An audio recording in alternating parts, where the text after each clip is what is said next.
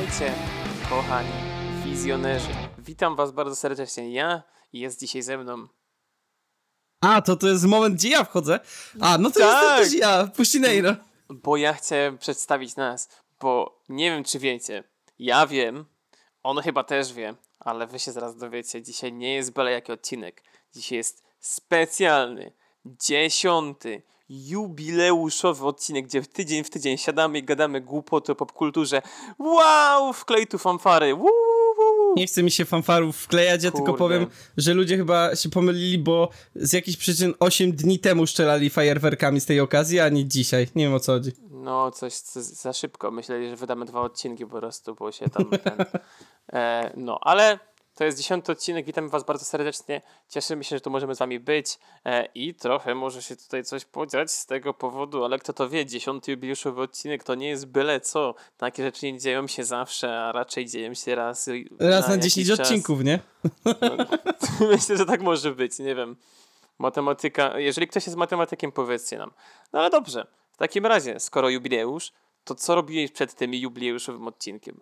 E, jakby muszę kontynuować tradycję, więc muszę powiedzieć, że u mnie było jak zawsze grubo. To znaczy, że dużo rzeczy się działo, ciekawych i mniej ciekawych, ale oczywiście się w tym nie, spodzie- nie spodziewaliśmy się mniej chyba od ciebie, tak mi się wydaje. Ja mam nadzieję, jakby wiesz, muszę wyrabiać normę czy coś takiego. Więc klasycznie mam tutaj do opowiedzenia kilka, kilka, nawet więcej niż kilka rzeczy. Także już sobie tutaj wybiorę, od czego by tutaj zacząć.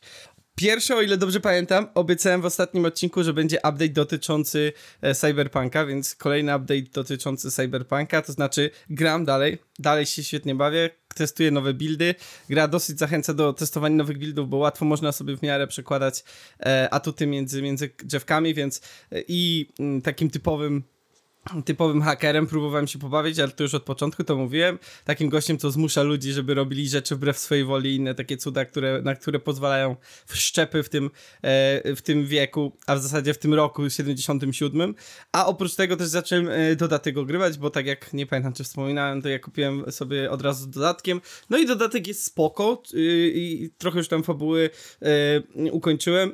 Myślę, że to jest takie fajne, gdzieś tak w połowie właśnie gry sobie go zacząć, bo on jest jakby, to nie jest tak, że jak nie wiem, w Wiedźminie choćby mieliśmy, zazwyczaj te dodatki się przychodziło tam później już po, po przejściu gry, a tu idealnie to się wpasowuje gdzieś tam w, poło, w połowie tej gry, bo ten dodatek też zahacza o główny wątek, więc on jest mocno, mocno spięty, nawet sama gra ci proponuje, że jeżeli już ukończyłeś grę i chcesz sam dodatek zacząć, to daje ci właśnie taki, tam chyba 15 poziom ci dają i, i sobie zacznij grać, więc to powiedzmy jest, jest gdzieś tam w połowie tej gry. No i oprócz zwykłej fabuły też dodatek dodaje dużo, mm, kilka misji pobocznych i kontrakty nowe. Y, kontrakty są spoko w przeciwieństwie do kontraktów z głównej gry. Znaczy, w głównej grze też były spoko, nie? Ale tu jest spoko, że e, każda, e, każdy z kontraktów ma taką bardziej rozbudowaną troszeczkę linię fabularną, dzięki czemu przyjemnie się po prostu w nie gra. Wiadomo, że zawsze coś ciekawego się dzieje. Na przykład jeden z kontraktów, to nie będzie jakiś duży spoiler, bo to się zaraz na początku dowiadujesz o tym kontrakcie, e, że, bo w ogóle Dodatek dzieje się jakby w takiej osobnej e, dzielnicy, która została oddzielona od całego Night City. E, ta fabuła jest taka, że po prostu jak była wojna, e, bo była oczywiście wojna między korporacjami, w ogóle Night City jakby nie jest do końca w Stanach Zjednoczonych, tylko to jest taka jakby wolna ziemia, normalnie jest granica, e, której tam pilnują, jak chcesz uciec jakby do Stanów Zjednoczonych, więc to jest tam cały plot dotyczący w ogóle e, historii i świata cyberpunka. Oczywiście to już też z RPGów czę- częściowo wynikało, no i jak była tam ta wojna i wojna się skończyła, że Stany dogadały się tam z tą drugą frakcją, gdzie tam, tam korporacje oczywiście też w tym brały udział, e, no i generał, który przyszedł z wojskiem, uznał, że a to my tu zostajemy. I oni przejęli sobie po prostu dzielnicę i oni rządzą tą dzielnicą. Więc ona dlatego, dlatego w podstawce nie dało się tam wejść, no bo jakby to ona jest oddzielona. No i dopiero tutaj mamy okazję, e, żeby ogólnie główny plot jest o tym, że musimy uratować panią prezydent Stanów Zjednoczonych, która która tam e, w pewnych, w splot e, przypadków wylądowała tam w tym i musimy ją wziąć i uratować. Jakby od tego się zaczyna cała fabuła. Na jeden z kontraktów, tak jak mówiłem, jest na przykład o tym, że e, z racji na to, że to jest takie trochę miejsce, gdzie ani policji za bardzo nie ma, bo oni nie wpuszczają tam policji, to też dzięki temu nie ma pewnych problemów, które normalnie w Cyberpunku zdarzały się z policją. No to tutaj różne firmy i korporacje robią swoje dziwne rzeczy i na przykład mam misję, że musimy wbić jako gościu, który, to mi Kubox możesz powiedzieć, bo ty może prędzej będziesz wiedział, jak się nazywa ta osoba, która e, szuka do drużyn sportowych ludzi? E, Scout. O właśnie, no to jako scout wbijamy do tego, do takiego placówki, która jest w ogóle schowana gdzieś pod jakimiś gruzami się wjeżdża windą i okazuje się, że oni tam już dzieci yy, yy, tam faszerują wszczepami, gdzie są wszczepy, gdzie tam dorośli ludzie powinni doprawiać, a oni tam dwunastolatków na przykład, czy dwunastolatki faszerują wszczepami, normalnie masz giełdy dzieci i sobie przy... o, tu masz nawszczepiany jakieś dziecko, yy, które tam, ten i będzie dobrym piłkarzem, możesz go wziąć sobie do swojej szkółki, nie? Bo tutaj to jest legalne, bo w zasadzie to jest takie miejsce, gdzie, wiesz, nic nie jest legalne, nic nie jest nielegalne, bo to jest taka, Fajnie. no można ten. Więc proszę bardzo, możesz sobie kupić dzieciaka, jak chcesz piłkarza, nie? Jest dużo właśnie takich fajnych, e, fajnych questów, takich, gdzie mają głębszą fabułę i coś fajnego pokazują. Mega mi się to podoba. Tak jak na razie kolejne godziny w Cyberpunku i dalej się dobrze bawię. Okej, okay, rozumiem. Mm. Czyli właśnie Pushin powiedział, że podoba mu się giełda dzieci. Rozumiem. Mamy to nagrane, dziesiąty jubileuszowy odcinek. Odkrywamy sekrety za prowadzącymi ten, ten piękny podcast. Nie podoba mi się giełda dzieci, także muszę ten, ten, tylko podoba mi się, że pokazują właśnie te różne właśnie mm, takie ciekawe y, rzeczy, jakie wynikają z samego settingu, jakim jest Cyberpunk, tak? Że mm, no, w głównej fabule to mieliśmy oczywiście proste, że wszczepy, sama fabuła e, główna i tak dalej, i tak dalej, a tutaj dalej jakby m, mm, się zagłębiają w te różne e, możliwości i też zagrożenia, które będą z tego wynikać, że jeżeli możemy nawszczepiać człowieka i on ma jakieś efekty, to no to nawszczepiajmy dziecko i będzie jeszcze lepsze, nie? I robi się jakby czarny rynek handlu w ogóle e, tam e, sportowymi tymi e, ludźmi, którzy się sportem zajmują, a babka, która tam tą kliniką całą zarządza, to ona uznaje, że ona w ogóle robi dobrą robotę, bo dzieci przynajmniej mogą dzięki temu mieć, nie wiem, e, le lepsze życie. Co z tego, że tam połowa nie przeżywa na przykład tego na wszczepienie, tak? Ale na ulicy to był umarły, więc jakby gitara się ma, nie? Bardziej tutaj, tutaj o to mi chodziło. E, no i to jest jakby kolejny update. Tu mógłbym jeszcze długo opowiadać o tym, jak buildy różne testuje i której. O, w ogóle jeżeli będziecie mieli okazję i będziecie grali Cyberpunka, naprawdę sprawdźcie sobie jak odpalić e, sidequest Pasja i, i żebyście nie ominęli tego sidequesta, bo wow, ten, ten sidequest zrył mi banie po prostu. Nie będę wam spoilował, bo jest zbyt dobry, ale ale wow, po, po, polecam. Jak, nie, jak przeszliście Cyberpunka i nie graliście w tego sidequesta, to zobaczcie sobie jakiś gameplay na YouTube, gdzie ktoś to przechodzi, jakby wow. Mm, Dobrze, i żeby już nie przedłużać samego Cyberpunka, to chodźmy sobie dalej. Może teraz trochę, e, może teraz trochę filmowo. A skoro filmowo, to yy, idąc tym trendem, że nadrabiamy filmy z tamtego roku, bo akurat wlatują tym razem ten film chyba na Sky Showtime, o ile się nie mylę. Oczywiście audycja nie zawierała lokowania produktu, choćby mogła. Jeżeli słuchać nas ktokolwiek z Sky Showtime, potrzebujemy sponsora. Proszę, napiszcie do nas. Tam jest Proszę mail. Na, napisz Proszę, błagam. Zmieniłem się. Proszę. Mm. I zobaczyłem sobie film, który walczył mocno, czyli e, Barbie. E, jakby tutaj, no i to te... bardzo dobrze, no i to jest... I powiem tak, że wolałbym zobaczyć Oppenheimer, ale go na razie nigdzie nie ma, więc... Nie. więc ja byłem bardziej Oppenheimerowy. No ale już jest to Barbie, co sobie mogę zobaczyć. No i zobaczyłem i takie, no, spoko, może być. Ja... Yeah mam pewne zarzuty do tego filmu, że był, momentami był głup, głupawy i to tak głupawy, nie że komedia, więc ten, ale po prostu głupawy i średnio mi się momentami podobał, ale e, tak podsumowując, no myślę, że to obe... czy bym do kina poszedł? No nie poszłem, więc nie poszedł, nie poszedłbym, ale czy warto obejrzeć? No taki film na jakiś piątkowy wieczór, żeby sobie obejrzeć, jeszcze z kimś gdzieś sobie puścić i ten, no myślę, że taka uczciwa siódemka, to na pewno, nie to, że skopali, to, to nie ma o czym gadać, no ale ja też nie, nie, nie byłem zupełnie nahypowany tym, więc uznałem, że obejrzę, spoko, da się, da się przeżyć to i można, można żyć dalej. Mm. I dobra, jaką jeszcze jed... jaką rzecz bym tutaj mógł jeszcze. Mam tu parę rzeczy, które mógłbym poruszyć. E, mam tu jeszcze jeden film, ale to, to o tym bym dłużej chciał porozmawiać, więc to będzie najwyżej w przyszłym tygodniu. Już poruszyłeś, a... już powiedziałeś źle o Barbie, a wszyscy dobrze wiemy, że Barbie jest świetna. no to nie mam jeden lepszy film moim zdaniem, ale tutaj zostawię tak wiesz, robimy cliffhanger do przyszłego tygodnia. Za to z chęcią powiem o grze, którą udało mi się niedawno skończyć, bo już grałem w nią od jakiegoś czasu tak bardziej e, przy okazji, można powiedzieć, a konkretnie chodzi też o trochę taki mini indie hit tamtego roku? Nie, to już chyba starsza gra, może ty Kubox będziesz pamiętał, kiedy wyszło Inscription. O, e, niedawno. Mi się wydaje, że to, to chyba będzie tamty, tamten rok. Ja właśnie cały czas poluję na Inscription, żeby kupić i zawsze kupuję coś innego. No było ostatnio w promocji... 21. 19 a, października widzisz. 2021. No to, to zdecydowanie starsze niż myślałem, a to gdzieś tam był hype na tą grę, znaczy hype, no nie przesadzałbym to jednak Grandy, ale gdzieś tam słyszałem dużo o tej grze i zobaczyłem, że z promocji za 40 zł, myślę, mm, 40 zł to już może być uczciwa cena tam za jakieś, nie wiem, e, z 10 godzin to może było rozgrywki, może trochę więcej i gdzieś tam sobie tak po godzinkę co, co jakiś czas grałem, no bo to jednak taka gra, że potrafi troszeczkę przymęczyć samą mechaniką. Ale ciekawa. Nie będę wam zbyt dużo mówił, bo gra dzieli się na trzy akty i każdy z tych aktów, no jest inny zupełnie. Myślę, no wszystkie gameplaye, znaczy gameplaye, recenzje jakie są, no to głównie recenzują pierwszy akt, żeby nie spoilować, no bo ten pierwszy akt, no to myślę, że większość osób widziała. Budzimy się w jakiejś chatce, jest jakiś dziwny koleś i kazuje nam grać w karty. No i później przez testy gry cały czas jest ten wątek e, tego deck buildingu i grania w karty i tak dalej, więc to jest dalej ważne, ale dowiadujemy się coraz więcej o tym, co w ogóle, czym jest Inscription, co się w ogóle dzieje obok nas i dlaczego jak się odpala grę, to nie da się dać nowej gry, tylko można dać tylko kontynuuj. Więc o, patrząc, że to robiło niewielkie studio, bo chyba jednoosobowo, o ile się nie mylę, to też bardzo fajny y, pomysł na różne te mechaniki związane z deck buildingiem i y, z roguelike'iem dotyczącym grania kartami. No fajnie się w to grało ogólnie, fajnie. Po, po końcu jeszcze jak całą fabułę sobie zobaczyłem, jeszcze przeczytałem tam jakieś teorie spiskowe na temat tej gry, bo to jest w takich grach najlepszych, gdzie jest coś dziwnego się dzieje.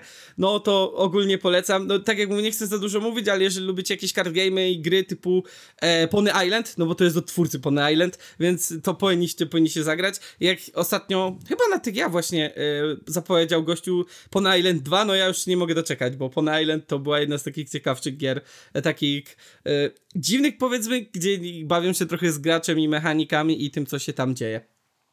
No i myślę, okay. że to by było na tyle w tym tygodniu. Działo się mnie troszeczkę więcej, ale no co, co nie, będę, nie będę tutaj nie wiadomo ile czasu zajmował. Najwyżej będę miał co uzupełnić w przyszłym, jeżeli by nie było.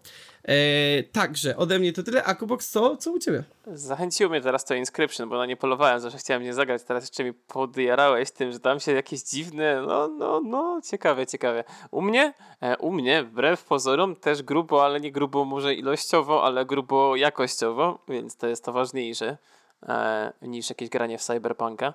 E, więc... Przepraszam bardzo, proszę mi tutaj. proszę proszę mi tutaj polskiej gry nie obrażać, tak? Wiedźmin 3 i tak lepszy. E, więc e, 3 Wiedźmin 3 najlepszy, wszyscy dobrze wiemy. O, powiem ci, że e, będę się musiał wypowiedzieć na końcu dopiero, ale, ale powiem ci, że eksperymentowanie z tymi różnymi buildami, no daje, daje radochę, więc ja tutaj mogę zostać wyklęty chyba z Polski, jak tak dalej pójdzie. 3 Wiedźmin 3 najlepszy, przynajmniej działa. E, więc e, generalnie e, u mnie było e, sporo anime i zagrałem w jedną grę. I rozgrywam teraz bardzo jedną bardzo ważną grę, czyli zacząłem grać w Final Fantasy, ale o tym w ogóle nie będziemy rozmawiać. Bo zrobił to, godzin. zrobił to, proszę Państwa. Tak, gram... Zmotywowałem go i to zrobił. To nie jest prawda, to była motywacja własnoręczna, to nie jest e, dzięki Przesłuchajcie proszę. poprzedni odcinek i sprawdźcie jak było. Ja wam mówię. Fa ja Final Fantasy X jest ogrywane. Tyle mam do powiedzenia na ten temat, na razie nic więcej o tym nie powiem, aczkolwiek jestem w trakcie gameplaya i bawię się super, jak na razie. E, więc Obejrzałem Madokę, trzeci film, bo obejrzałem kiedyś serię i jakoś ten film tak odkładałem troszeczkę, e, więc zabrałem się za, za, to w końcu i obejrzałem właśnie trzeci film Madoki, Rebellion, który jakby e, jego wydarzenia dzieją się e, od razu po serii. Także od razu, jeżeli coś, to może paść przypadkowy spoiler, ale postaram się zrobić wszystko w mojej mocy, żeby takich spoilerów nie było. E, więc obejrzałem ten film i szczerze byłem troszeczkę rozczarowany, bo oczekiwałem więcej. W sensie Madoka seria bardzo mi się podobała, naprawdę. E, mówimy o oczywiście Puella Madoka Magica, e, gdzie to jest seria po prostu typowo Maho Shoujo, o magicznych dziewczynkach. I to jest seria, która w ogóle bardzo dużo znaczyła na, na polu anime, bo ona się bardzo jako taka słodka, piękna, ładna, narysowana seria, gdzie nic złego by się przez życie nie mogło stać, prawda? No i jest jak jest. Więc generalnie ta seria tak się tam e, pokazywała. Bardzo dobrze została odebrana, jest bardzo wysoko też oceniana. E, naprawdę jest główna seria świetna, gdzie e, obserwujemy poczynania Madoki, która gdzieś po prostu przychodzi sobie do nowej szkoły e, i, i sobie rozkminia właśnie co to będzie i poznaje sobie koleżanki, potem tam się dowiaduje o tym, że są jakieś magiczne dziewczynki i tam się dzieją rzeczy, że tak powiem. No i właśnie trzeci film, mimo że seria moim zdaniem była dobrze skończona, to seria E, jest kontynuowana w tym filmie. I ten film jest taki bardzo tajemniczy na początku, bo naprawdę nam daje jakby sceny tam z samego początku i takie nie wiadomo w sumie o co chodzi, jak to, co to się to dzieje. Jest na pewno bardzo ładnie narysowana to na pewno i skupia się na drugiej najważniejszej praktycznie postaci w całej serii e, i na tym tytułowym, na tej tytułowej rebelii, o której wam e, nie powiem niestety nic więcej. Na pewno jest bardzo ładny, ale kurczę, nie potrafię pozbyć się tego poczucia, że jestem trochę zawiedziony, bo spodziewam się czegoś więcej, a czuję, że to było takie przekombinowane na maksa i, i trochę dziwnie, dziwnie mi z tym było. W sensie obejrzałem film, ogólnie powiedziałbym, że mi się podobało w miarę, ale były takie momenty, że mam takie, kurde, no trochę przesada, przekombinowane, ale to może muszę do tego jeszcze usiąść i na spokojnie to przeanalizować. Gdzieś mi to nie do końca podeszło. Bardziej to poczułem, że to było takie, ok, wskrzeszamy serię, bo to wyszło kilka lat później, że wskrzeszamy serię, żeby trochę zarobić niż e, taka serio, e, serio dalsza fabuła, ale będzie czwarty film, ogłosili go w tym roku, zobaczymy co się tam stanie. Następnie e, poszedłem za e pewną poradą e, powiedzmy z poprzedniego odcinka i kliknąłem losowy na, na, na stronie z anime i, i moi kochani. I nie spodziewałem się, myślałem, że dostanę jakiś kompletnie beznadziejny coś. I było zupełnie odwrotnie. Dostałem e, serię Rambling Hearts. Rambling Hearts jest to seria na podstawie e, visual novelki w ogóle, e, gdzie ona e, wyszła na PS2, z tego co sprawdzałem przed chwilą. E, jest to seria z 2003 roku, więc jest to dużo starsza seria, bo no już praktycznie 20 lat ma. Jest to romans. E, e, romans drama generalnie. No dobra, ja lubię romanse, to nie ma problemu i tak dalej. No i wszystko spoko, tylko że na początku tak patrzę, to okej, okay, spoko, jest sobie jakiś gość, tam sobie poznaje e, właśnie jakaś przyjaciółka jego, poznaje go z jakąś dziewczyną, oni tam zaczynają wychodzić, w sumie się średnio radzą, potem się tam rozchodzą i w ogóle strasznie szybko się dużo działo w tych odcinkach.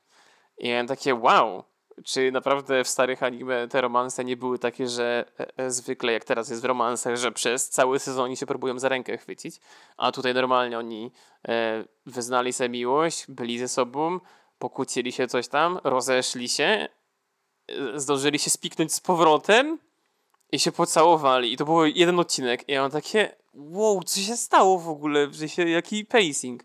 No i wszystko spoko. Do momentu, gdy drugi odcinek się nie kończy, nagle się dowiadujecie, o czym jest seria. To jest wow.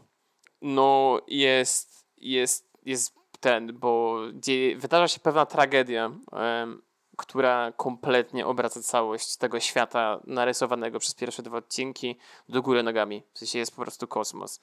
I w związku z tą tragedią jest cała fabuła dalej ciągnięta. I było to naprawdę mocne emocjonalnie. Jak na początku sobie tak śmieszkowałem, to potem już się tak wkręciłem, że byłem zgubiony emocjonalnie i no popłakało mnie raz. Było mega ciężko i to była bardzo dobrze prowadzona po prostu historia z takimi poważnymi nawet problemami tych postaci. Były momenty typu e, slice of life typowe, że jakby gość tam potem pracował e, w restauracji i tam były jakieś babki, które go tam podsłuchiwały i to było takie moim zdaniem na siłę, ale poza tym wszystkie inne sceny jak najbardziej wow, w sensie były mega mocne, poważne i tam były duże problemy, z którymi te postacie się musiały, e, musiały się po prostu zmierzyć i bardzo dobrze się to oglądało, ale było to bardzo ciężkie. Naprawdę masa emocji w to poszła. Więc ja generalnie bardzo polecam, bo warto. Jeżeli lubicie romanse i taką poważną dramę, która naprawdę pokazywała realne, poważne, dorosłe problemy i te postacie też były takie naprawdę realistyczne się wydawały, więc bardzo dobrze się to oglądało. Polecam świetnie, ja bardzo oceniam ma na ósemkę, więc ja serdecznie polecam. 14 odcinków, a warto, ale jest bardzo mocno, od razu wam mówię, bo no, ciężka sprawa. Ja do tej pory nie mam pojęcia, co moralnie było dobrymi wyborami, co moralnie było złymi wyborami. Po prostu siedzicie przez to całe anime, tylko czujecie taki ból, ale taki, takie zmieszanie i w sumie sami nie wiecie, jak, jak tu by się zachować, nie? Także polecam, bardzo dobre. No i jeszcze udało mi się gierkę zaliczyć po drodze, bo zanim zacząłem grać Final Fantasy stwierdziłem, że kurde na pożegnanie z moim wolnym czasem muszę zagrać w coś jeszcze i e, akurat zobaczyłem, że mam gierkę, która właśnie bardzo dobrze e, place, e, ten, pla, plasuje się obok twojego Pony Island Pushin. E, generalnie zagrałem w Break the Game, które właśnie kiedyś sobie zakupiłem, bo chciałem zagrać, bo bardzo do, podobnie do Pony Island właśnie wyglądało. To jest gra z 2019 roku, e, gdzie no właśnie nawet na trailerach to pięknie widać, jak e, po prostu będą jakieś bugi i tak dalej. E, jest to bardzo krótka gra, bo chyba z 4 godziny mi zajęło jej przejście, z 4,5 wymaksowanie, bo tam jakieś dwa achievementy sobie dorobiłem. E, bardzo przyjemna, prosta 2D gierka. Generalnie platformer, trochę tam postrzelania, ale naprawdę bardzo spoko fabuła. I nawet przygotowałem sobie listę słów kluczowych, bo ostatnio to ściągnąłem od kogoś, jak sobie oglądałem jakąś recenzję.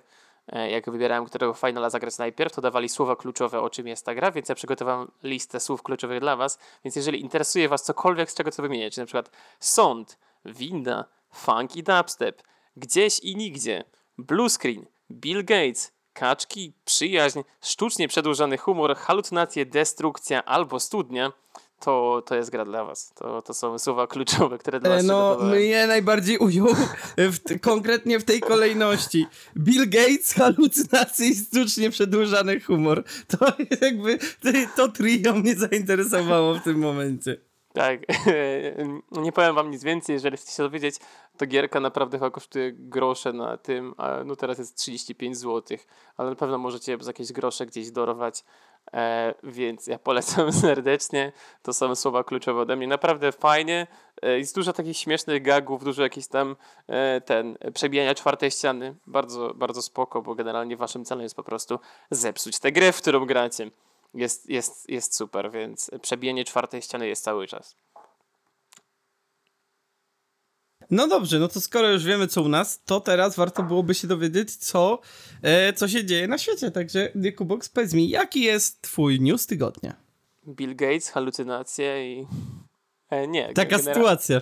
Taka sytuacja.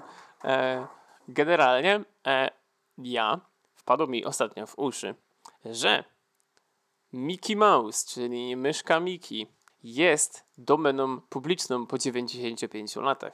Proszę Państwa, jeżeli macie ochotę, to możecie wykorzystywać myszkę Miki do wszystkiego, czego chcecie, ale, ale, jest ale. Spokojnie, w tym wszystkim jest ale, bo to nie jest byle jaka e, e, myszka Miki, bo jest to jedna konkretna wersja myszka Miki, czyli Steamboat Willie. Czyli jak pewnie pamiętacie, kiedyś była ta myszka Miki, co tak se gwiździe na statku i tak płynie i kręci kołem, to jest ta myszka Miki.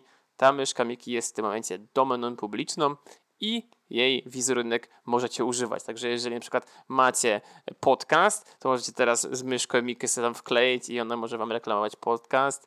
E, jeżeli macie, nie wiem, jakiś piekarnię, to może być piekarnią myszki Miki Steamboat, Steamboat Willy. Z domena publiczna możecie robić wszystko. I pewnie zastanawiacie się, no to skoro jest domena publiczna, to musi się coś stać. Oczywiście, że się stało. Pewnie obiło wam się o uszy już. Wyszedł niedawno trailer Mickey Mouse Trap, czyli trailer najnowszego horroru. Właśnie miałem mówić, Mickey. że po Kubusiu Puchatku się przygotowali, że jak tylko, że oni musieli to przerobić wcześniej, a tylko poszło to info, no bo to już wiadomo było wcześniej, tak. że to jest prawo w Stanach, że tam ileś lat od śmierci autora, czy, czy jakoś tak to działa, nie? No, jakoś tak, ja się nie wczytywałem w jakieś I, te, i widzę, że już jestem tego samego dnia zapowiadałem, że już za niedługo horror debiutuje. I teraz ten smutny Kubuś Puchatek, co zrobili ten horror z nim. Uuu. Tak, a no dokładnie, tu jest napisane pięknie, ładnie, mamy też taki artykuł utworzony. E, bo jest dokładnie tak, że to jest e, długość życia autora e, plus 50 dodatkowych lat, ale kiedyś były takie jeszcze rzeczy, że można było przedłużyć to i tam właśnie Disney kiedyś to przedłużył do 70, a potem maksymalnie 95. No to 95 lat minęło, no i Steamboat Willie Mickey Mouse jest dostępny, także jeżeli na przykład, nie wiem, macie jakąś firmę z vape'ami, możecie sobie wkleić tam Mickey Mouse'a i, i będzie wam reklamować. Aczkolwiek właśnie punkt pierwszy jest właśnie taki, że jest dosłownie horror tego samego typu. No teraz pewnie będziemy się mogli spodziewać, że tego będzie wychodzić masę, ale ja mam dwa przykłady na ten moment, czyli Mickey Mouse e, Trap, to jest horror, dokładnie w tym samym stylu, co był z Kubusiem Puchatkiem ostatnio, czyli po prostu jest jakiś park rozrywki, przychodzi Mickey Mouse i zabija wszystkich. Typowy slasher, generalnie pewnie będzie tak samo beznadziejny jak Kubuś Puchatek, no ale zrobili, przygotowali, będzie masa pewnie ludzi, które po prostu kupi bilety z ciekawości. Ale jest też druga rzecz, która już też jak najbardziej została ogłoszona. I jest to też horror, bo jakby zwykle tak jest, że jak już coś takiego wychodzi, to najtaniej i najprościej jest zrobić z tego horror, więc wszyscy robią horrory, no bo co to jest za problem po prostu za 50 dolarów zrobić taki film jak ten Mickey Mouse Trap, bo to przecież tam jest zero actingu, zero czegokolwiek, po prostu ludziki idą, dziękuję. E, mamy e, grę ogłoszoną Infestations Origins i jak z tego filmu się śmieję i powiedziałem, że pewnie będzie beznadziejny i tak dalej, to zupełnie szczerze, ta gra e, to jest po prostu wygląda pięknie. W sensie to mi daje takie viby e, SCP i tak dalej. Bardzo dobrze to wygląda i to może być naprawdę ciekawy horror. No właśnie tam e, głównym antagonistą jest Steamboat Willie Mickey Mouse. Także też to wykorzystali. Generalnie jest jakieś, e, przechodzicie sobie w tej grze do, e, do budyneczku, gdzie e, po prostu jest jakaś plaga i musicie się jej pozbyć i tam się potem okazuje, że to jest myszka Miki. Także no, e, tak to wygląda. A co to u ciebie? Jak tam, jakie tam twoje newsy u ciebie, Pushin? Mm, U mnie są newsy takie giereczkowe trochę, ale myślę, no muszę o tym powiedzieć, bo o dobrej grze to szkoda nie wspomnieć. A mianowicie, proszę Państwa, mm, dokładnie parę dni temu zadebiutował nowy, darmowy dodatek do gry Portal. Mam nadzieję, że każdy z Was już przeszedł Portala, jak nie, to najwyższa pora, gdyż no tą grę już regula regularnie można kupić sobie za 5 zł. E, I nazywa się ten dodatek e, Portal Revolution. Po prostu wpisujecie sobie Portal Revolution na Steamie, tam Wam wyskoczy, że to jest jakby, to jest normalnie kafelek jakby, jakby osobnej gry, ale jak wejdziecie, to pisze, że e, do działania potrzeba Portala i to pobieracie, tak? To by wam się po prostu po, pobiera, bo to działa na silniku portala. Jest to nowa, 8-godzinna kampania, więc o ile się nie mylę, to jest dłuższe niż sam portal, y, portal bo portal Tak. 1 w przeciwieństwie do dwójki był raczej taką eksperymentalną i krótką grą. Tak, tak, tak. Portal 1 był bardzo krótki, to, to, to ja wiem, bo ja grałem w niego wielokrotnie, nawet kiedyś mieliśmy wyścig e, speedrunnerski. Generalnie Portal pierwszy to jest 3 godziny. No właśnie pamiętam, że to jest coś takiego między 2 a 4 godziny w zależności jak się gra. I co ciekawe, to już kolejny z takich dużych, fajnych dodatków. Ten dodatek powstał podobno już jakiś czas. Jest aż 40, e, 40 nowych komór testowych, gdzie i też z nowymi mechanikami. I ja jestem mega zainteresowany, jeszcze nie grałem, ale mam w planach, możliwe, że usłyszycie o tym na jednym z kolejnych odcinków, bo poprzedni taki duży dodatek, już teraz nie pamiętam jak się nazywał, musiałbym szukać sobie na Steamie, ale to był e, też do portala, właśnie jedynki. Portal Reloaded. E, nie wiem, czy tak się nazywał. Nie wiem, czy o którym mówimy, bo wiesz, bo do portala jedynki to już dodawali ten. E, dodaw e, ty mówisz chyba o tym, co dodawali po prostu path tracing i ray tracing, nie? Nie, nie, nie. Path Tracing Ray Tracing to było e, Portal with RTX. To jest Portal Re- Reloaded, to była 5-godzinna kampania. Okej, e, ale mm, to nie pamiętam, co to się nazywa. Mi chodzi o to, to był taki, tam były zagadki związane, że do portala do, dołożyli jeszcze jeden wymiar. E, e, że miałeś oprócz zwykłych portali, miałeś kolejny rodzaj portali, trzeci rodzaj portali, które cię przenosiły w czasie. I miałeś zagadki związane z czasem, że byłeś e, w, w teraźniejszości i w przeszłości. Więc jak w przeszłości coś przesunąłeś, to to się też przesuwało w teraźniejszości. Ale jak w teraźniejszości coś przesunąłeś, to w przeszłości to było dalej w tym samym miejscu, nie? I coś mogłeś przynieść z teraźniejszości e, do przyszłości, wtedy miałeś dwie rzeczy, ale jak przyniosłeś coś z przeszłości do teraźniejszości, to w teraźniejszości to znikało, bo to właśnie przeniosłeś, nie? I tam było mega dużo zagadek z tym związanych. Okej.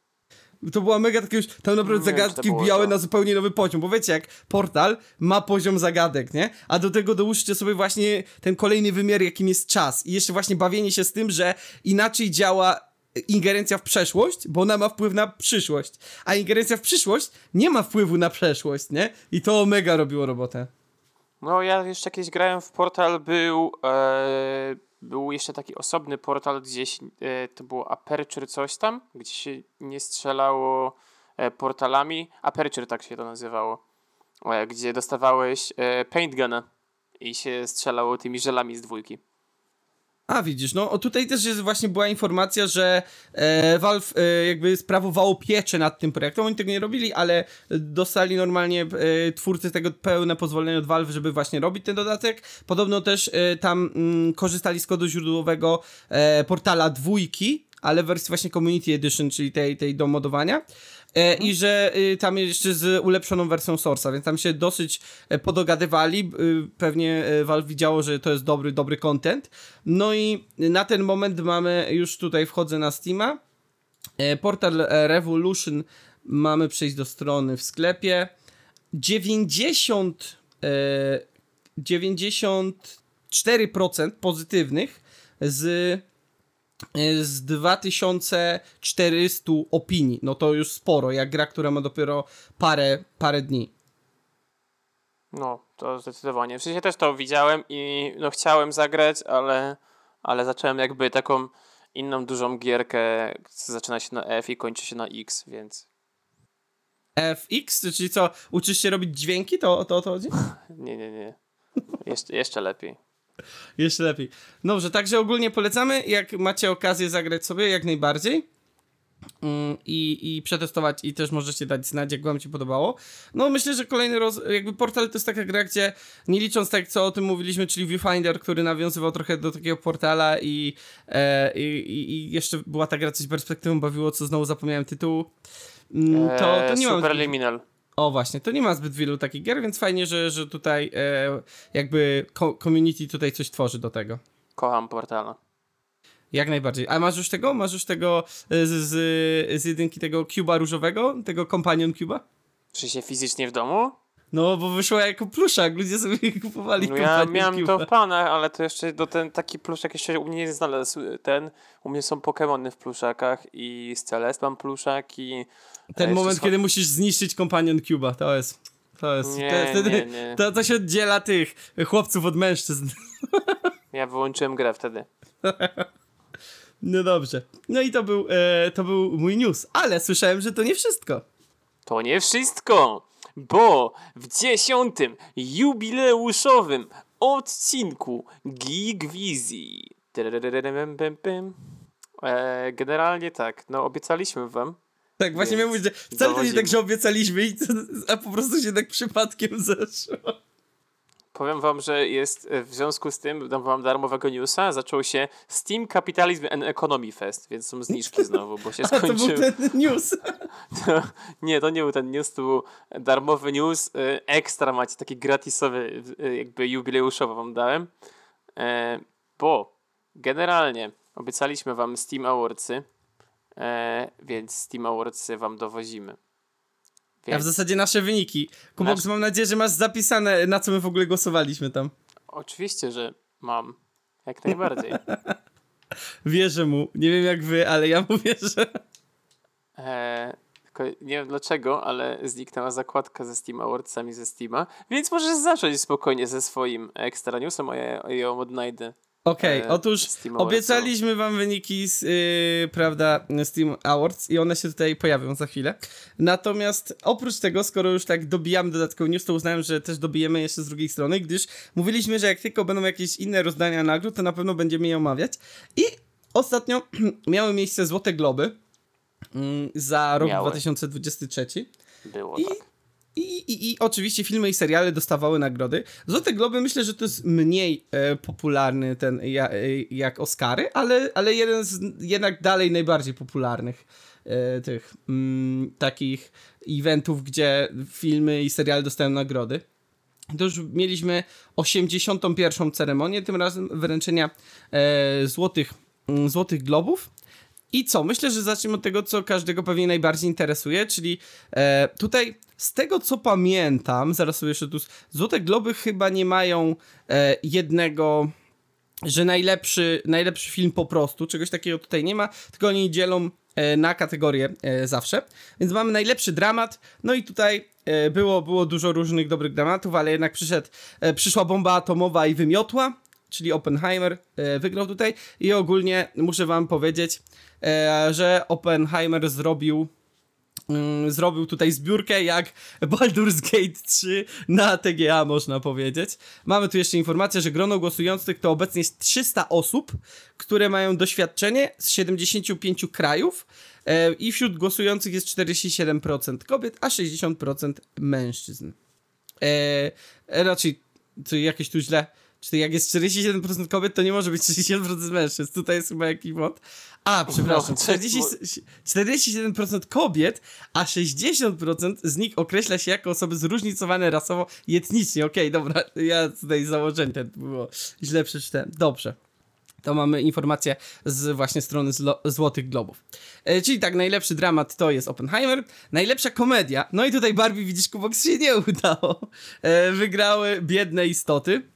E, słyszałem o tym, o tej e, komedii. No, no e, bo to w zasadzie. Każdy ma dobry gust, no. To jest taka komedia, trochę też e, romans. Można powiedzieć, że to jest trochę adaptacja potwora Frankensteina, bo właśnie to jest o tym, że młoda kobieta zostaje powróco- przywrócona do życia przez takiego ekscentrycznego naukowca. No i tutaj świetna e, rola właśnie Emmy Stone, która powraca tutaj. E, I Marka Ruffalo, e, jeżeli ktoś nie kojarzy, to Mark Ruffalo to na przykład jest ten gościu, co grał w MCU e, Hulka. E, to, to, jest właśnie, to jest właśnie on. E, Później najlepszy reżyser, to tak jak mówiłem, e, przy, była też pani reżyser od Barbie, był też reżyser od właśnie tych mm, od Biednej Istoty, ale wbił Christopher Nolan, Oppenheimer, zamiótł i zrobił Gitara Siema. E, następnie mam najlepszy film nie anglojęzyczny i ku mojemu zdziwieniu nie ma tu nawet chłopów.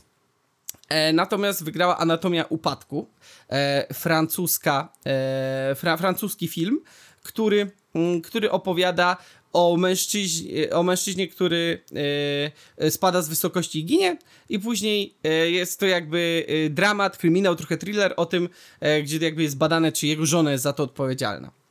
Mm, to mamy tutaj za film nieanglojęzyczny, później mamy film animowany, i tutaj e, był Super Mario Bros. nominowany, był na przykład Spider-Man poza uniwersum nominowany. E, y, tutaj był między żywiołami, życzenie, e, Suzmi, tak to się chyba czyta, no ale przyszło oczywiście Studio Ghibli i zrobiło Studio Ghibli rzeczy, czyli Chłopiec i Czapla wygrało. Bardzo dobrze, bardzo dobrze. Idę za trzy dni do kino, no to tak? Idziesz na Chłopca i Czaple, to jestem bardzo ciekawy. Ja szczerze mówiąc tych wszystkich filmów do Super Mario Bros. już wam opowiadałem. Ja jestem bardzo zainteresowany y, poza uniwersum, bo jest, y, żeby, żeby tutaj sobie zobaczyć bo jedynka była fajna, jeśli chodzi właśnie o styl graficzny. E, tam fabuła, no to taka, tak, no spoko, nie? Ale styl graficzny zrobił mega robotę. Ja myślę, że ten Spider-Man to dużo wniósł e, do animacji jako takich, a to poza uniwersum, tak jak widziałem trailery czy coś, to też wow wyglądało. Jestem mega ciekawy tego. E, ale no, z drugiej strony obstawiam, że gdyby nie Chłopiec Czapla, to pewnie Spider-Man by wygrał. No ale Studio Ghibli, no, to już jest jakby renoma trochę sama w sobie, nie? No ale to jakby to są dobre filmy, więc no jakby bardzo dobrze, że wygrywają. A to ja nie mówię, że źle, że wygrają, nie? To jakby mówię, jak o. tutaj, jak, jak widzę sytuację, nie? Najlepszy aktor w komedii musicalu e, mamy w Przesilenie zimowe Paul, e, Paul e, Giamatti. To brzmi trochę jak włoskie nazwisko. Nie mam pojęcia, co to za osoba. Spróbuję sobie szybko ją sprawdzić. A, kojarzę tego pana, okej. Okay.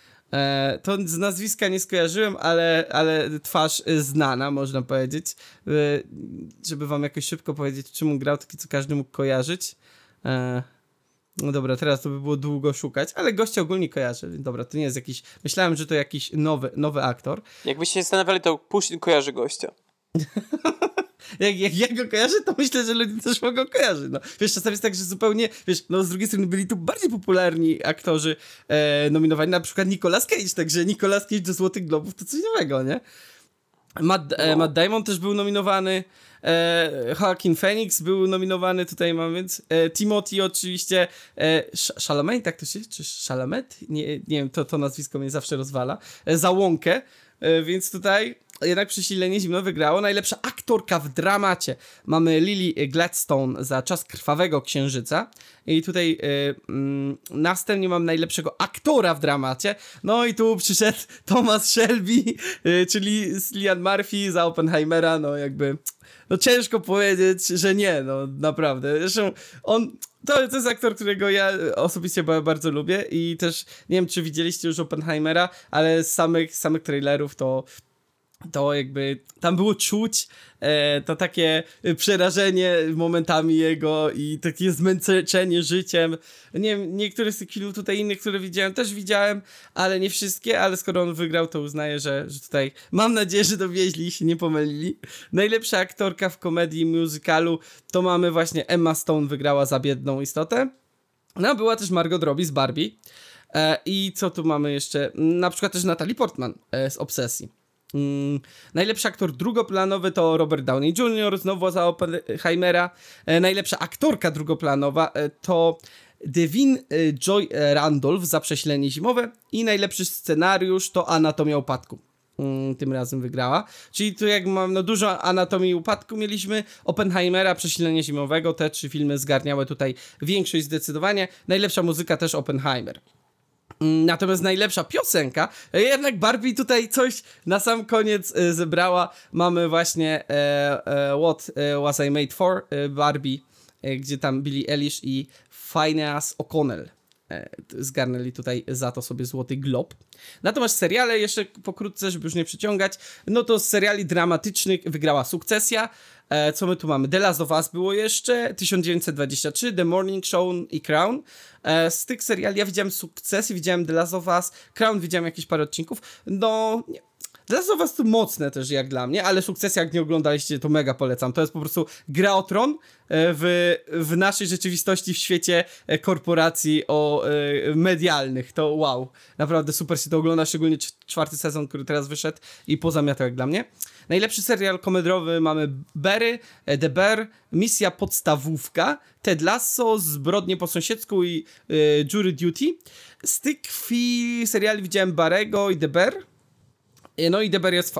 Czy jest lepszy od Barego? To szczerze mówiąc, jak, jak dla mnie oczywiście, to nie wiem, e, bo Deber wygrał, jeżeli, jeżeli tutaj nie, nie wspomniałem wcześniej. E, Deber to mamy taki serial, gdzie gościu y, z, pracuje jako szef kuchni w gwiazdce z, y, z, no, z gwiazdką Michelin, w restauracji z gwiazdką Michelin, ale jego brat umiera i przyjeżdża ratować restaurację swojego brata, która tam zajmowała się, no można powiedzieć taki trochę fast food lokalny, nie, nie że jakiś keps czy coś, tylko tam takie kanapki, takie ten, nie, no i on tam zmaga się z tym, żeby poprowadzić tą restaurację, ale to był naprawdę serial, w którym tak dobrze jest pokazane robienie jedzenia i te emocje jakoś z tym związane, że to oglądasz jak po prostu jakiś film akcji, jak oni tam te kanapki robią, czy coś. Mega polecam, jak tego nie oglądaliście, to na Disney Plusie jest Deber. A Bar, Bar jest chyba na HBO, też mega fajny, o gościu, który był żołnierzem, później został płatnym zabójcą, a później jak miał zabić gościa, który był na e, szkółce aktorskiej, to tak aktorstwo mu się spodobało, że postanawia zostać aktorem. To jest mega abstrakcyjny koncept, ale też bardzo, e, bardzo fajne. Dobrze. I później mam najlepszy serial limitowany, antologia lub film telewizyjny. Nie wiem, bardzo dziwne to jest e, kategoria. Tu mam Fargo, lekcje chemii, e, Daisy Jones and e, The Six, e, Towarzysze Podróży, Światło, którego nie widać i Awantura. I właśnie Awantura wygrała. Nie wiem, nie oglądałem Awantury, nie wiem o czym to jest, mogę szybko sprawdzić. E, Awantura. To jest jakiś serial tutaj... Mm, azjatycki, incydent przemocy drogowej między sfrustrowanym pracownikiem fizycznym i, niepełno, e, i niespełnioną bizneswoman wywołuje konflikt, który stopniowo wyciąga z nich to, co najgorsze. O, to na Netflixie, a to słyszałem chyba coś o tym. Rzeczywiście ludzie to polecali, a to zapomniałem, że to się tak nazywa, po angielsku to jest po prostu beef.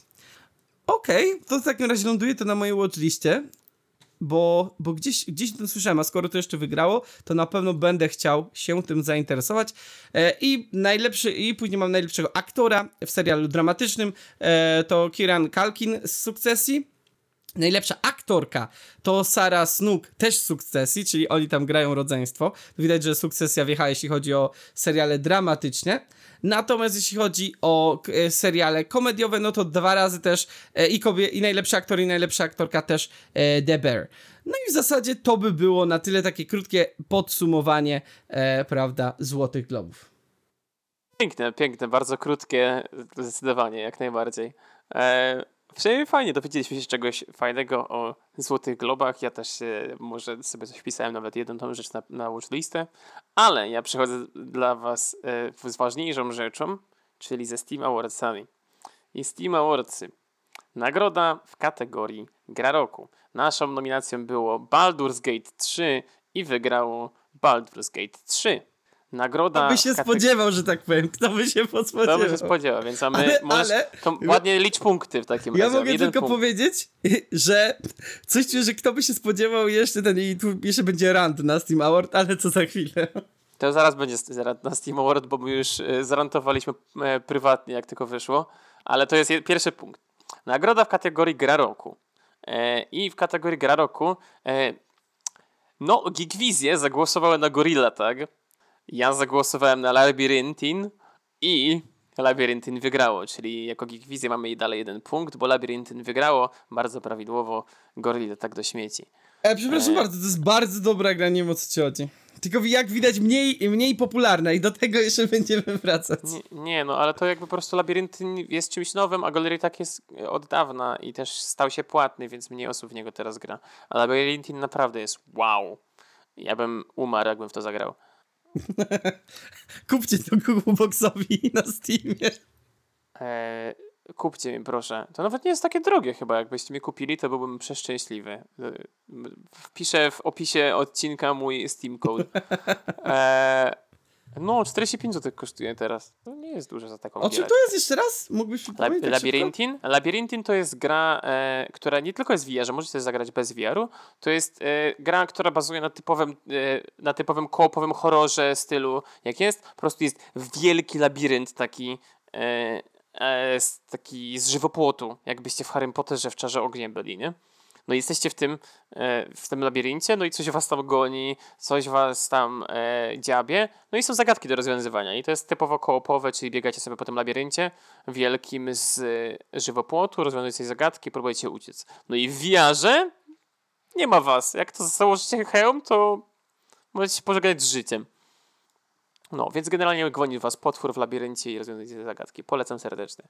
Następnie nagroda Steam Awards w kategorii owoc miłości, bo znalazłem specjalny O, dobra, dobra, tu jak będzie później. się zaczynał, tu będzie się zaczynał rant, proszę państwa. E, tak, naszym geekwizjowym pikiem był Deep Rock Galactic, który jest bardzo dobrą grą i zdecydowanie zasługiwał na tę nagrodę, aczkolwiek nagrodę otrzymała gra studia Rockstar Red Dead Redemption 2.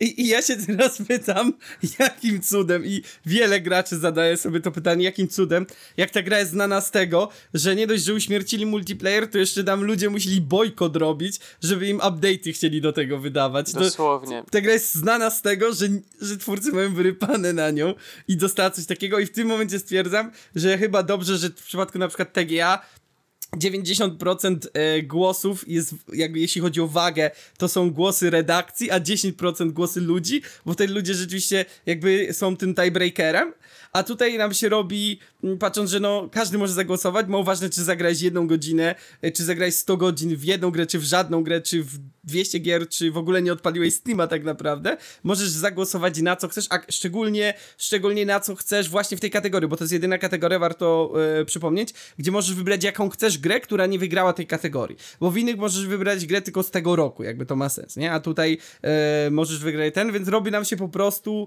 e, typowy konkurs popularności, gdzie wygrywa ten, kto jest najpopularniejszy, a nie ten, kto ma jakieś tutaj cokolwiek związanego z tym. No tak, ale to jest właśnie właśnie szok, bo pamiętam przecież jak ludzie bojkotowali po update'y, przecież zabili multiplayera, no przecież gracz nie powinien na to głosować, no bo to oni bojkotowali w końcu, nawet to jest po prostu szok, no ale no To jest, jak ja, ja bym tą kategorię w tym układzie nazwał zakazany owoc miłości. Jakby, ja bym powiedział tylko, że żyjemy w społeczeństwie, nie? E, więc jakby to jest... A, ta, a Joker z wama już wychodzić, to już rozmawialiśmy o tym ostatnio. E, jakby geek wizję i podtytuł Żyjemy w społeczeństwie. To jest, e, na, na jubileusz dochodzi. E, nagrody, e, nagroda w kategorii najlepsza gra na Steam Decku. I jako geek wizję, przypomnisz mi, że wybraliśmy Dredge'a? Dredge'a wybraliśmy, prawda? Chyba tak, a jakie Dredge'a tam były inne gry? Bo wybraliśmy Dredge'a, pamiętam, już przypomniałem sobie. E, wybraliśmy Dredge'a. Było tak, Diablo 4, Dredge, Brotato, Outlast Trials, Hogwarts Legacy. Kubux bardzo głośno i wyraźnie mówił, że Hogwarts Legacy wygra. I wiecie co wygrało? Hogwarts Legacy. E, Dalej nie wiem jakim prostu- cudem. To jest, Bo to jest bardzo mnie- logiczne, no bo to jest gra, którą chcesz wziąć ze sobą i napierdzielać z nią, więc to ma nawet dużo sensu. Ja się z tym jak najbardziej zgadzam. A Ja nie rozumiem tego owoców- wyboru. ja wracając do owocu miłości na sekundę, to tam były w ogóle jakby jakąkolwiek inną grę brali, tylko nie tego Red Deada, to byłoby dobrze. To bym się zgodził. Bo tam był Rust, Red Dead, Dota 2, Deep Rock Galactic i Apex. No to te wszystkie gry dostają update'y i jak najbardziej są kochane przez community i tak dalej. Red Dead jako jedyna nie jest i on wygrał. Więc dlatego jest rant. E, Steam Deck zgodziłbym się, bo serio, do tego Hogwarts Legacy fajnie sobie wziąć i pobiegać sobie po tym Hogwarcie. Zresztą ty masz biegać po Hogwarcie, to może nam kiedyś powiesz. E, nagroda w kategorii razem raźniej i jak najbardziej ja przekonałem Pusina za wszelką cenę, że to będzie Little Company i to jest Little Company jak najbardziej prawidłowo, jedyny poprawny wybór. Teraz przechodzimy do kolejnej kontrowersyjnej kategorii, czyli nagroda w kategorii znakomity styl wizualny. O, i to jest kategoria, w której, muszę przypomnieć, zanim pójdzie rant, e, w tamtym roku czy dwa lata temu wygrał Miles Morales. Jakby, jak? Czyli tu będzie ten sam, ten sam vibe. Tak. I właśnie my obstawialiśmy, jeżeli sobie dobrze przypominam, to, e, to Darkest Dungeon, bo były gry takie jak Cocoon, High on Life, em, Inward, Darkest Dungeon 2 i Atomic Heart. I wygrało Atomic Heart, Jakby jak? które po prostu W sensie jest nie, że okej. ta gra no, źle wygląda, nie? Ale ona nie ma ani takiego czegoś jakby, nie? no to, to nie jest jakiś, bo tu jest napisane przecież, styl wizualny nie aspiruje do odwzorowania wyglądu świata rzeczywistego.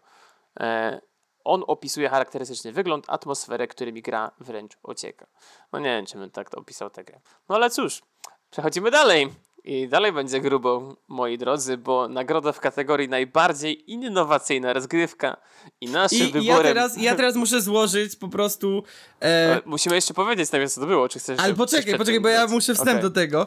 E, jak to się ładnie nazywa, że mówisz, że chcesz złego coś na siebie powiedzieć. Jest takie piękne polskie słowo, które o tym mówi. Ale ja muszę powiedzieć, że ja odpowiadam za swoją głupotę i że nie wygraliśmy tego, bo mogłem sobie przypomnieć, że w tamtym roku, raczej w tamtym, dwa lata temu już teraz, wygrał jako najbardziej innowacyjna rozgrywka gra, gdzie się chodzi kotem.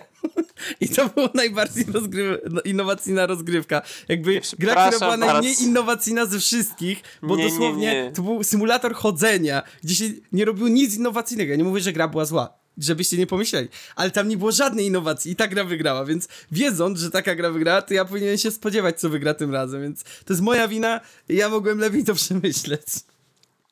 Najbardziej innowacyjna rozgrywka. Wyborem Geekwizji było Shadows of Doubt.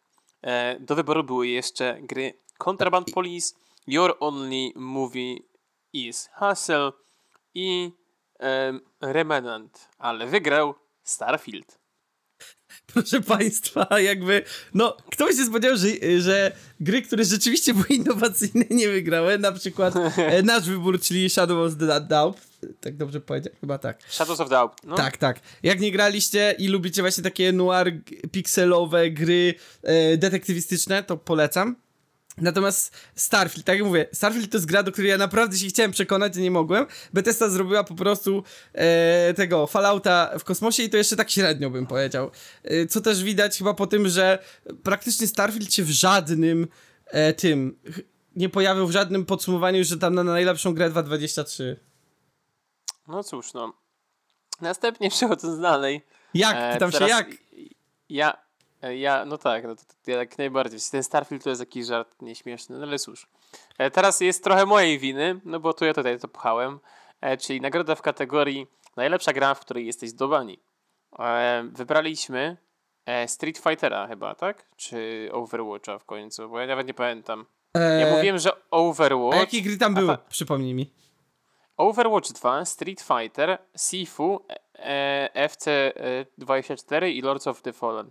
Okej, to nie zdziwiłbym się jakby te...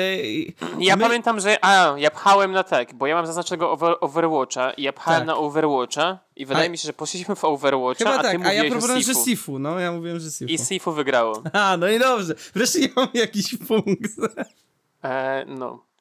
Następnie na, w kategorii najlepsza ścieżka dźwiękowa była ta kategoria, na której spędziliśmy 3 sekundy chyba, żeby ją omówić, e, bo były do wyboru Hi-Fi Rush, Pizza Tower, Chance of Senar, Last of Us Part 1 i Persona 5 Tactics. Ja miałem taką chwilową moment zawahania, czy wybrać Persona 5 Tactics, czy Hi-Fi Rusha, ale wspólnie bardzo ładnie i wyraźnie powiedzieliśmy Hi-Fi Rush, dlatego wygrało The Last of Us Part 1. To, znaczy, no nie, teraz też jest spoczko, ale no nie wiem, czy... To nie jest taki, żebym pamiętał go do teraz, bo e, co prawda ja grałem na konsoli, a nie na PC, okej, no ale muzyka jest chyba ta sama, więc... Przypamiętam, przyp- przypominam, że Chance of Senar jest w kategorii muzyki, a nie w kategorii innowacji. No i tam E. za bardzo to jest praktycznie ścieżka dźwiękowa, to jest takie, że nie, ona spoko nam pasuje pod tego, ale to też nie jest czymś, co, co bym sobie puszczał taki soundtraczek w tle, jakby ten, nie? O, właśnie, No tak. mówił o soundtrackach. Uuu, soundtrack z, z Cyberpunka jeszcze, te, które zrobiłem specjalnie, kawałki O samuraja. Jezus. To już mam na, na, już na playlistie na Spotify już jest. Mm. E, klasyczka, czyli tam Never e, Fade Away i Chibin, to uuu, Soundtrack z Final Fantasy X też jest zajebisty. Nie- mamy na razie nie dwa grałem, punkty, no, ale możliwe, Tak, trzeba tak powiedzieć, że, że mamy dwa, to tracisz, tracisz. E, mamy dwa punkty na razie. E, Dobrze nam idzie. Nagroda w kategorii gra ze znakomitą fabułą. I tutaj, mimo tego, że pojawiła się e, przepiękna gra o tytule Love is All Around, e, pojawiło się również Star Wars Jedi Survivor, Lies of P, Resident Evil 4, to zgodnie z naszą nominacją wygrał Baldur's Gate 3. no i bardzo E, dobrze, no. Mamy punkt trzeci. No i następnie mamy nagroda w kategorii Usiądź i zrelaksuj się, w której brały udział Train, e, e, Train Sim World 4, nie wiedziałem w którą kolejności to czytać, bo jest tytuł napisany w stylu 20 tysięcy kierunków, Dave the Diver, City Skylines 2, Potion Craft i Coral Island. I wydaje mi się, że albo wybraliśmy City Skylines 2 albo Potion Craft, ale nie jestem pewny. ja Nie, zaznaczone Dave the Diver Crafta. wybraliśmy. Tak? Wybraliśmy Dave the Diver? No tak mi się wydaje. Trzeba było od, odpuścić, odpalić tam odcinek, ale wydaje mi się, że cię, że cię przekonałem, że masz To ten... jest, jedyne, czego, to jest jedyne, czego nie zapisałem sobie. Na pewno E, nie Potion Craft, to na pewno nie. Na pewno nie Potion Craft, bo Potion Craft ja chciałem, ale wydaje mi się, że my poszliśmy na kompromis ze City Skylines 2. A, albo a mi nie, się ja po- wydaje, ja- że powiedzieliśmy, A, że nie, 20 ja- FPS-ów i to nic z tego nie będzie. Tak, dobra, czyli wybraliśmy Dave Divera, tak? Bo, bo ja powiedziałem, że City Skylines to jest do śmieci nie do grania, bo tam nic nie działa. Nawet jak macie RTX 4090, to i tak macie 15 FPS-ów, jak macie jednego człowieka w mieście, e, więc e, wyobraźcie sobie, jak macie trzech. E, Dave the Diver był naszym pikiem i Dave the Diver zwyciężył. No jednym, cudem. jednym słowem, y, bo to koniec, tak? To koniec. To jednym słowem, patrząc po 11. wynikach, to można powiedzieć, że my już bardziej w tym momencie chyba jesteśmy recenzentami niż graczami, bo nam lepiej idzie pikowanie e, recenzenckich wyborów. No, chyba tak. Jesteśmy zbyt No. zaawansowanymi graczami, przepraszamy was bardzo. Piękno. Nie no, po prostu to jest, tak jak mówiłeś, to jest jakiś dziwny konkurs popularności, który nie do końca ma jakiś sens, więc jakby to jest e, no, no dziwne, dziwne strasznie, nie? No ale cóż, e, co można poradzić, jakby, jakby ktoś chciał, to za rok możecie zrobić 20 fejkowych kont na Steamie i zboostować waszą ulubioną gierkę, e, bo tak dużo jest warte to Steam Awards, ale oni chyba nic nie dostają w związku z tym. Jedyne co dostają, a wiesz, a ja zrozumiałem. Jedyne co się dzieje po Steam Awardsach, to te gry dostają zniżkę. Więc A, jeżeli ktoś nie chce wiem, zagrać jest w Red Dead... obowiązkowe, że ta zniżka się musi pojawić. No tak, pojawia się na każdej grze. A, widzisz. Bo na pierwszej stronie Steam pokazywało przez parę dni, że Steam Awards gierki i macie wejście sobie w zniżce, nawet Baldur's Gate na 10%. Właśnie miałem mówić, że Baldur's Gate był w, e, w najtańszej cenie w historii po premierze, bo przed premierą był jeszcze tańszy. I kusiło mnie, no ale mam jeszcze trochę rzeczy, od, e, że tak powiem, obkupionych. No i Cyberpunk, więc jeszcze czekam, aż, aż troszeczkę stanieje, ale... Ale jest, kuś, kusiło mocno już za te 220. Jak będzie poniżej dwóch stówek, to już się chyba skuszę. No, ale pamiętajcie, e, jest festiwal kapitalizmu i gospodarki Steam, także nie, nie Festiwal śpijcie. kapitalizmu i gospodarki. To gry paradoksu tam powinny być wystawiane. Nie no, to są takie gry w stylu City Skylines, Rail Raid, nowy tryb piaskownicy jest na przykład w Rail Raidzie, nie wiem czy widzieliście. No dużo tu jest. Restaurant Empire 2 jest 60% taniej, nie? Big Ambitions, Tropico 6, o proszę bardzo. Wszystkie takie... Także jeżeli jesteście kapitalistą, to zapraszamy O na Tropico Steama. 6 polecam najbardziej. Ogólnie Tropico polecam. E, Biznes, który jest dalej za darmo, ale się pokazuje na głównej stronie e, promocji, że jest za darmo, więc jakbyście chcieli zagrać Biznes Tura, czyli Monopoly, to zapraszamy. To na pewno najlepsza gra z tych wszystkich, o których dzisiaj rozmawialiśmy, w których możecie zagrać. Biznes Tour, no jak macie czwórkę znajomych, siadacie sobie, sobie rzucacie kostką, fajnie jest. Mm, Super, super giera. No. Transport Fever 2 jest za 92 zł. Jakie super! Ej, Transport Fever 2 wygląda jak świetna gra, nie powiem, no... W Transport, a bo to jest gra, a nie, to nie jest gra tego. Transport Fever 2 jest świetny, bo możecie kilkoma środkami transportu sobie grać. A wiecie, jak to zwykle w tych czasach jest, to jest teraz Train Simulator i koniec, tylko grasz trainem. I tak szok, że w Euro Truck Simulator możecie autem jeździć prawdziwym, normalnym. Serio? Także, no tak, jest opcja, bo możesz e, poruszać się między miastami zwykłym autem. Oh boy, nawet nie wiedziałem. No, No bo dobrze. Jeże, jeżeli chcesz przejechać na przykład z garażu do garażu szybko, no to po prostu bierzesz zwykłe auto, kupujesz i jedziesz, nie? Zamiast ciężarówką. No to były takie nasze dwa krótkie, krótkie podsumowania, mm, podsumowania e, tych, podsumowania e, mm, festiwali. Myślę, że można by tak powiedzieć. No, no, no, jakiś e, nagród, jakichś takich em, wydarzeń. O, wydarzeń, bardzo ładnie, bardzo ładnie. No bo e, Steam Awards to jest bardziej taki, takie Czytajcie książki, czytajcie książki, będziecie wtedy mieli większe słownictwo. No nie, no bo wiesz, e, Złote Globy to nazwał taką jakąś galą, nie? Tak ładnie, no wiesz. No A- gala to też jest dobre. Ten. No a Steam Awards, nie wiem, czy bym są to- galą nazwał. To są wydarzenia podsumowujące e, ważne części popkultury, czyli dla takiego podcastu jak my, em, jednego z podcastów popkulturowych istniejących na świecie. Jesteśmy definitywnie jednym z podcastów. istotne. Nie chciałem nic głupiego powiedzieć, po prostu powiedziałem fakt, nie? Kocham ten jubileuszowy odcinek. Ten jubileuszowy odcinek, widzicie, jest taki luźniejszy, przyjemniejszy, śmieszniejszy. Pogadaliśmy o festiwalu em, nagród Steama. Pamiętajcie, jesteśmy w Polsce, mówimy po polsku, więc Dokładnie, nagrody Steama. Chociaż award, czy to dałoby się jakoś ładniej przetłumaczyć niż nagrody po prostu? wyróżnienie Wyróżnienie? To nagroda już lepiej, już nie tak bardziej prestiżowo, bo award No to jest tak. dla mnie, wiesz, takie bardziej, takie bardziej prestiżowe określenie, jeżeli mówimy, nie? No bo award to jest bardziej z kontekstu wynika, e, jakby jeżeli chodzi o angielski, nie? No W to ogóle tak, award tak. też może być czasownikiem. No teraz No. zaczniemy być. E, jeżeli byście chcieli zobaczyć Geekwizję e, w wersji lingwistycznej, to dajcie znać. Link wizje to będą. Lingwizję. Bo award może też być czasownikiem. Więc no. Jako, że wręczanie nagrody. No dobrze, to myślę, że teraz powoli zbliżamy się do naszego ulubionego segmentu, albo i nie, to zależy. zależy od tematu, czyli do tematu odcinka Kubox. Au, temacik odcinka, no trochę się nam przedłużyło te jubileusze, ale jak się świętuje to na całego, także otwierajcie szampana, strzelajcie fajerwerki i tak dalej. Em, generalnie, kiedy jest Wielka Orkiestra Świątecznej Pomocy? E, 28 styczeń, z tego co kojarzę. Kurde! A, wystrzelali fajerwerkami dla nas. No niestety, niestety. E, Jurek Owsiak nienawidzi zwierząt, ale no niestety e, jest tak, kto, ktoś musi. Tymczasem Ktoś musi nienawidzić zwierząt, no tak. Kubox, uważaj z tymi niepopularnymi opiniami, bo to będzie ostatni odcinek tego to podcastu. był- to Jak był- Juri Owsienko przyjedzie cię wyjaśnić. Dla le, e, z legalnych powodów to był tylko żart.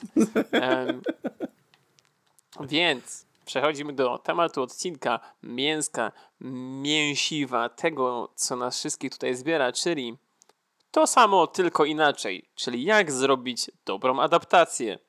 To jest dobre temat pytanie. dzisiejszego odcinka. Jak zrobić dobrą adaptację? Zaraz się może dowiemy, może do tego dojdziemy dzisiaj razem, ale wiecie, bez czego by się nie obeszło? Bo ja wiem. Czyli bez czego? wiesz. Bez jubileuszowej Wikipedii! Uuu. Ej, tym razem, w przeciwieństwie do ostatnich kilku odcinków, gdzie nie mogłem nic powiedzieć, to teraz się przygotowałem, bo wiedziałem, że Kubok się o, ty, o to spyta, więc no nie mogłem, nie mogłem tutaj, prawda, zostawić was bez... bez takiej e, ważnej i istotnej wiedzy o tym, e, co, e, czym jest adaptacja. Pierwsze zaczniemy klasycznie od PWN-u, jeszcze zanim przejdziemy do Wikipedii. A mianowicie, proszę Państwa, adaptacja ma kilka znaczeń i przeczytamy sobie wszystkie, cztery, bo może to będzie istotne dla, dla naszych rozważań. Adaptację to mamy albo przystosowanie czegoś do innego użytku niż było przeznaczone. Mm, No, ma, ma to sens jak najbardziej. E, Druga, e, drugie wykorzystanie słowa adaptacja to przystosowanie utworu literackiego do wystawienia na scenie lub do sfilmowania, też jako utwór literacki w ten sposób przystosowany. Trzecie to przystosowanie organizmów do warunków środowiska, a czwarte to zmniejszenie odczuwania określonych bodźców. To czwarte najciekawsze dla mnie. Nie wiedziałem, że tak też można używać słowa adaptacja. Także Geekwizje uczą, Geekwizje bawią. Jak nie wiedziałeś? Można się adaptować do sytuacji. No ale to dla mnie wpływa- właśnie było to trzecie, czyli przystosowanie organizmu do warunków, nie? A nie, że zmniejszenie odczuwania określonych bodźców. No to jest trochę pokrewne, no. No, ja tylko mówię, co jest w słowniku języka polskiego, no. A teraz przejdziemy sobie, yy, yy, prawda, mm, do adaptacji, tylko oczywiście z Wikipedią jest taki problem, że jeśli chodzi o adaptację, no to najpopularniejsze mamy właśnie adaptację biologia, adaptacja psychologia, adaptacja socjologia, adaptacja architektura, adaptacja sztuka, jeszcze osobno jest adaptacja filmowa, jako jeszcze co innego, także proszę Państwa, e, jeszcze jest adaptacja zespół muzyczny i adaptacja film e, z Nicolasem Cage'em, także mamy wiele Wow! możliwości. Ale no, jeśli Nicolas chodzi... Cage był w Złotych Globach, był tam. Był, No, był, był. Jeśli chodzi o adaptację filmową, to y, zwaną także ekranizacją, to jest przeznaczona do sfilmowania przeróbka pierwotnego materiału literackiego, teatralnego, muzycznego lub innego. Celem ekranizacji jest dostosowanie adaptowanego utworu do nowego medium, odmiennego materiału bądź potrzeb i wymagań nowej publiczności. E, I jeśli, a jeśli chodzi o adaptację w sztuce, to jest właśnie przetworzenie dzieła sztuki lub publikacji do odbioru za pomocą innego środka przekazu niż to planowano pierwotnie. Na przykład adaptacja dzieła literatury na potrzeby filmu lub przeróbka dzieła sztuki na potrzeby nowych odbiorców. Na przykład liczne adaptacje dla dzieci y, Robinsona Crusoe. Tutaj taki przykład z Wikipedii.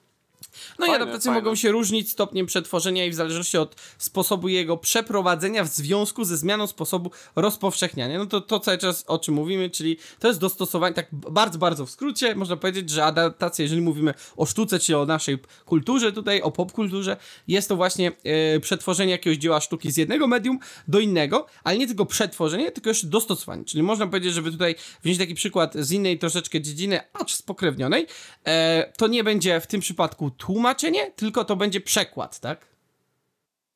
Tak. Bardzo dużo rzeczy powiedziałeś, nawet nie wiem, do czegoś mam się odnieść. Po prostu poruszyłeś 17 różnych kawałków A to świata. nie koniec, gdyż tutaj jest bardzo jeszcze ciekawy wątek o rodzajach operacji adaptacyjnych i myślę, że to poruszymy, ale sobie później. Ja mam pytanie w takim razie, bo pojawiło mi się w głowie w związku z tym, co czytałeś. Czy to znaczy, że baśnie braci Grimm w tych nowych wersjach to są adaptacje do przystosowania, żeby były dla dzieci? Tak, Jak tak, przykład- no to jest właśnie adaptacja, bo to, tak jak tu było powiedziane, że to jest głównie, tak jak my to rozumiemy, no to jest właśnie dostosowanie dzieła e, do odbioru za pomocą innego środka przekazu, ale także przeróbka dzieła, przynajmniej tak Wikipedia twierdzi, nie? Przeróbka tak, tak, tak. dzieła sztuki na potrzeby nowych odbiorców. No tak, ja byłem po prostu ciekawy, bo jakby baśnie bracie Grimm to ewidentnie były dla dzieci zrobione. W sensie w kopciuszku sobie tam pięty ucinały. No to tak, tak, tak. No to, to z tym się zgodzę. Czyli to też są adaptacje, nie? Bo to jest wzięcie jakiegoś oryginału i przerobienie. To można by nawet dalej pójść z tym, że jeżeli mamy, e, jeżeli mamy jakiś, jakiś film, E, bardzo dobrym przykładem adaptacji, moim zdaniem, będzie, e, w, która dzieje się w tym samym, e, powiedzmy, właśnie e, rod, środku przekazu. Mamy właśnie Battlestar Galactica. bo Battlestar Galactica oryginalny, bo nie wiem czy wiecie, ja zawsze wam mówię o nowym Battlestarze Galactice, czyli tym z e, lat 2000, tak? Ale w latach 70 XX e, wieku był Battlestar Galactica wydawany i on, główni bohaterowie się tak podobnie nazywają, mniej więcej jest o tym samym, ale dużo plotu jest zupełnie pozmieniane.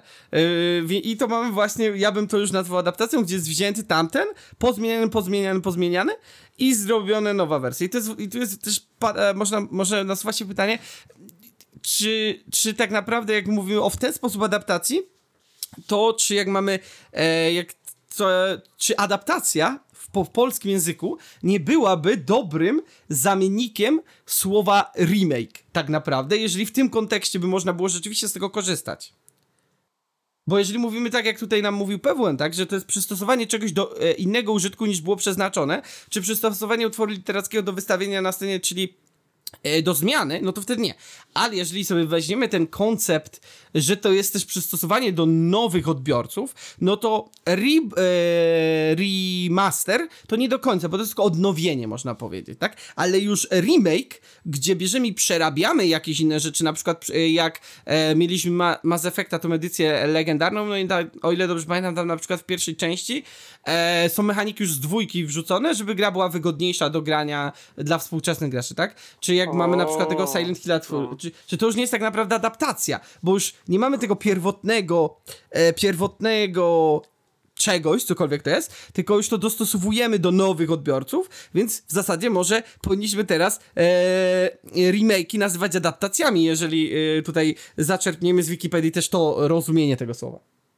No, dlatego Final Fantasy VII nie jest adaptacją, tylko e, to nie jest, to jest remake, bo tam się zmieniają rzeczy. Czyli to byłaby właśnie adaptacja.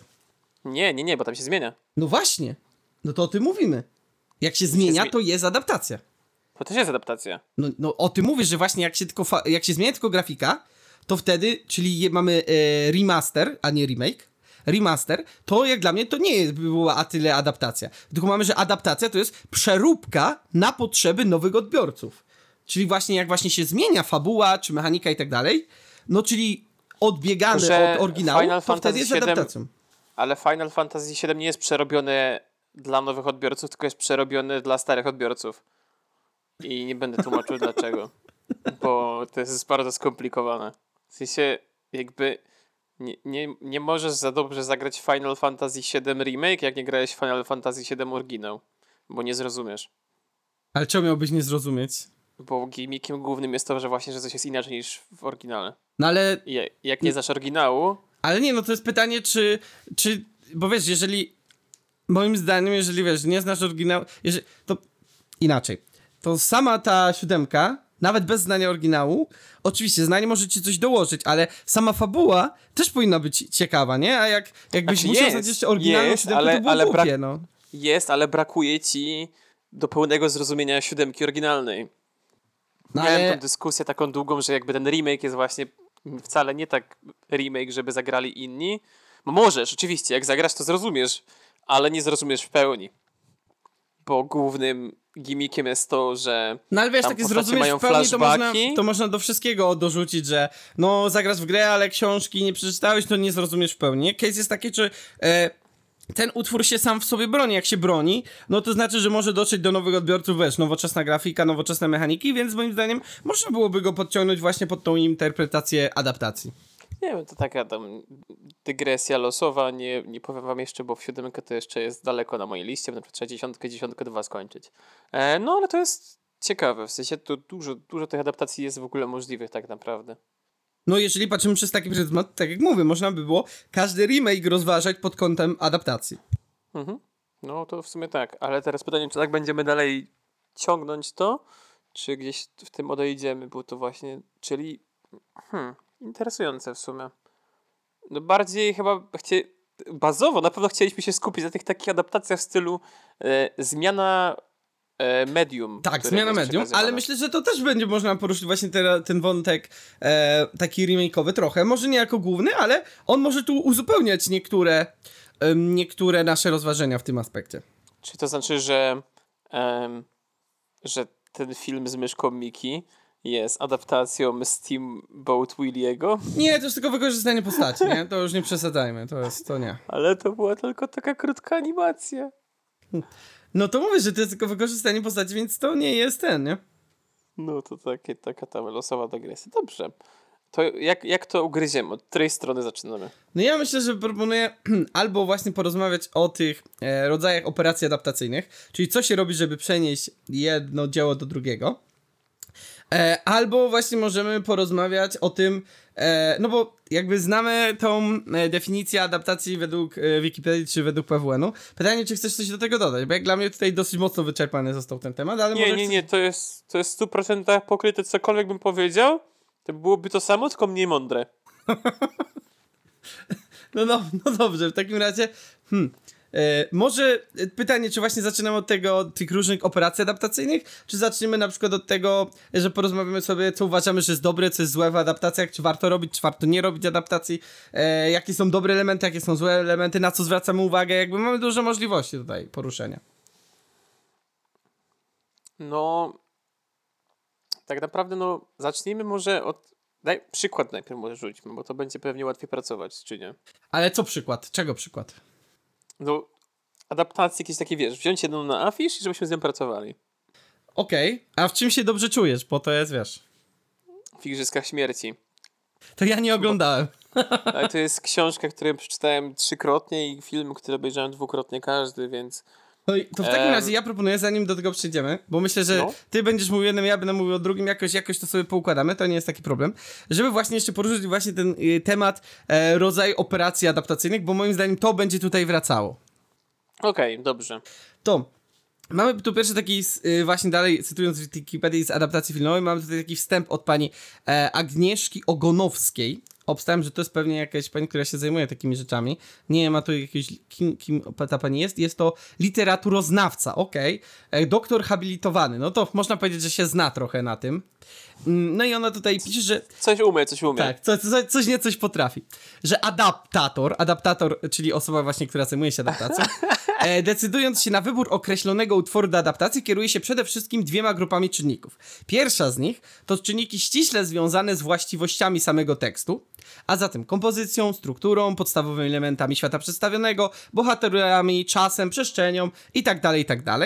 A druga grupa to jest czynniki współczesne adaptatorowi, a także charakterystyczne dla potencjalnych odbiorców jego dzieła, czyli istotnym ich elementem jest również rodzaj oferowanych przez system kulturowy doświadczeń, które w sposób istotny wyznaczają horyzont oczekiwanych, oczekiwań odbiorców, czyli to jest to, o czym tu mówiliśmy i to przykrywa nas właśnie do remake'u, remasteru i tak dalej, i tak dalej, że pierwsza część to jest to, że patrzymy na to, co adaptujemy na co, a druga, kto to będzie oglądał i czego on może oczekiwać. I w ten sposób możemy mieć na przykład e, takie rzeczy, myślę, że tutaj, że na przykład zmieniamy e, płcie bohaterów albo rasy i tak dalej, i tak dalej. Myślę, że to właśnie e, może tutaj jak najbardziej pasuje. To jest ten case, nie? Adaptacja Velma jest teraz e, osobą ciemnoskórą. W I sensie, Kudłaty tak? też, z tego co pamiętam. Chyba tak, nie wiem. Ja odpuściłem. Ja tego nie Em, oglądałem, ja tylko widziałem rant na to, że to jest Ja też słabe widziałem i nie oglądam. Najlepsze było, jak się wpisywało Velma w przeglądarkę, to wtedy spadały flagi. To, to był pik. Co- co było? No flagi spadały. Jak wpisywałeś Velma zaraz koło premiery w Google, to flagi spadały. Ale jakie E, flagi? E, ten. E, e, homoseksualny, tak? Bo ona jest lesbijką. Homoseksualne flagi. No W sensie, że chodzi ci o te, tęcze, te tęczowe, tak? tak. No właśnie chyba, no coś spada, jakieś flagi konkretnie, nie chcę teraz się pomylić. Nie chcę się pomylić, któreś, bo, no bo ona w tym najnowszym tworze jest lesbijką Może, nie wiem, jakby aż tak No się i- nie interesowałem. i osoby homoseksualne mają swoją flagę, więc chyba ta flaga spadała, No to- ale nie kołtujcie mnie na tym. Okej, okej, dobrze. Eee, No to do tego dążyłem, że spadały flagi homoseksualne, no. Nie, bo, Nie wiem, czy to jest poprawne no właśnie po, po polsku, to czy... nie brzmi dobrze, bo flaga To po nie polsku może być homoseksualna. Rozum, rozumiem o co chodzi, ale jakby, jak jest, no okej, ale to, no okej, t- flaga e, symbolizująca homoseksualizm. O, tak, o, tak, tak. Super. A w zasadzie osoba o tej orientacji, no, No właśnie tak. jak, tak. No, dobrze, E, no to, Piękny, to, to jest, jest, jest, je, ma to sens, ma to sens. Link wizja, link wizja.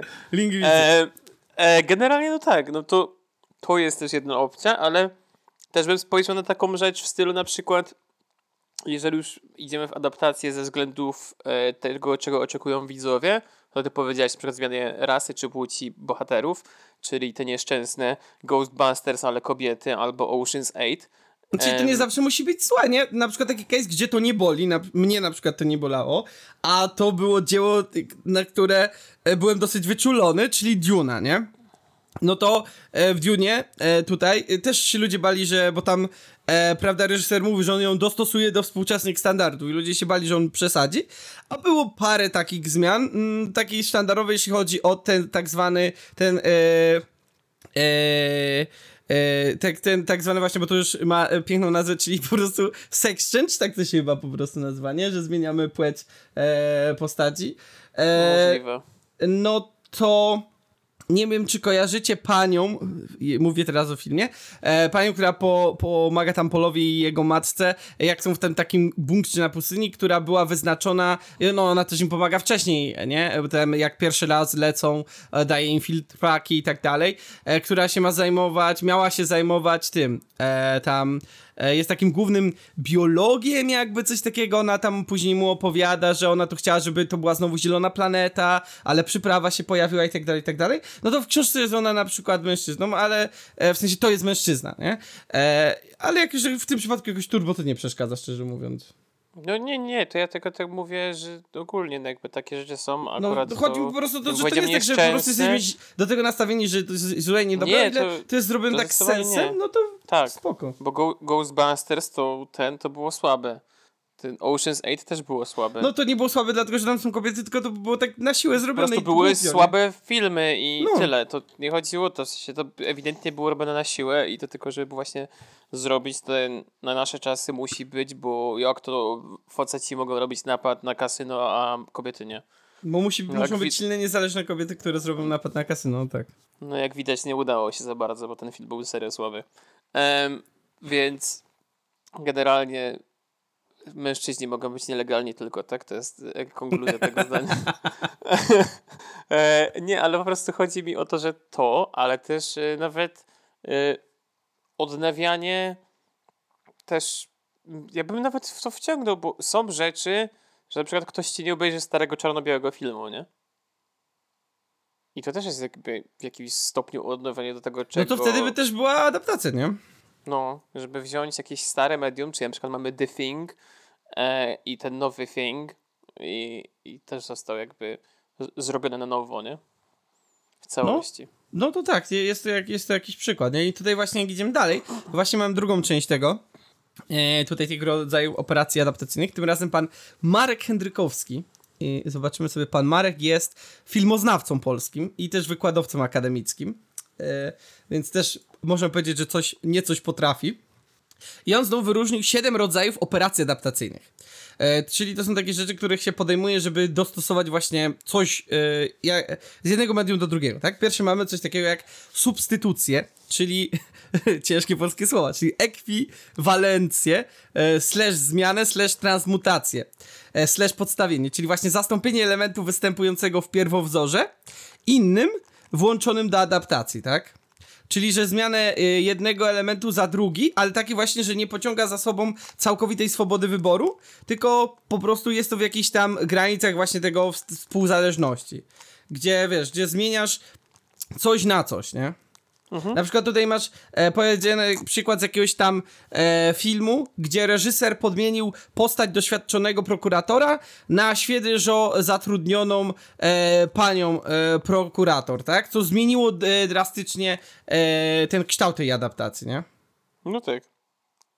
I to mówi, że to jest właśnie nieumiejętna substytucja. Gdzie A to... trzeba to zrobić tak, Ta... żeby to nie wpłynęło na całokształt. Tak, tak, tak. Gdzie, gdzie możesz, e, tak jak tu mówiliśmy, to, to w zasadzie to, to, to, o czym mówimy, o tym zmienianiu e, e, płci czy ten, jako to jest właśnie taka e, substytucja, nie? Że wzięli no tak, no bo... tutaj I w Bo- przypadku Duny, no to nie bolało bardzo, bo lore tej postaci został taki sam, zmienili tylko kobiety na mężczyznę, no i tu tak nie boli, bo to jest i tak świat przedstawiony jakiś nowoczesny, znaczy nowo, jakiś w przyszłości, w kosmosie, więc to nie przeszkadza. To jest zupełnie normalne, że kobieta równie dobrze by mogła pełnić takie stanowisko. Natomiast jeżeli byłby to, nie wiem, XIII wiek i nagle e, szefem miasta z mężczyzny robimy kobietę, no to tu już do, czujemy, że coś jest nie tak jakby, nie?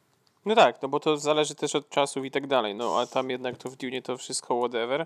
No też zwykle w jakichś nowocześniejszych setupach jakby zmiana płci to też nie jest jakaś bolesna w większości, no bo to... No tak, tak, jeżeli mówimy o nowoczesności, to pasuje dalej, nie? To, to jest ten słynny case, że wiesz, co innego jak zmienić jakąś e, postać tam e, fabularną, jej tam płeć czy rasę, e, jeszcze właśnie w takim, że, że to pasuje w tym settingu, a co innego jak e, zmienisz, e, żeby króla grała kobieta i te, te słynne e, te sprawy, co tam Netflix sobie próbował robić, nie?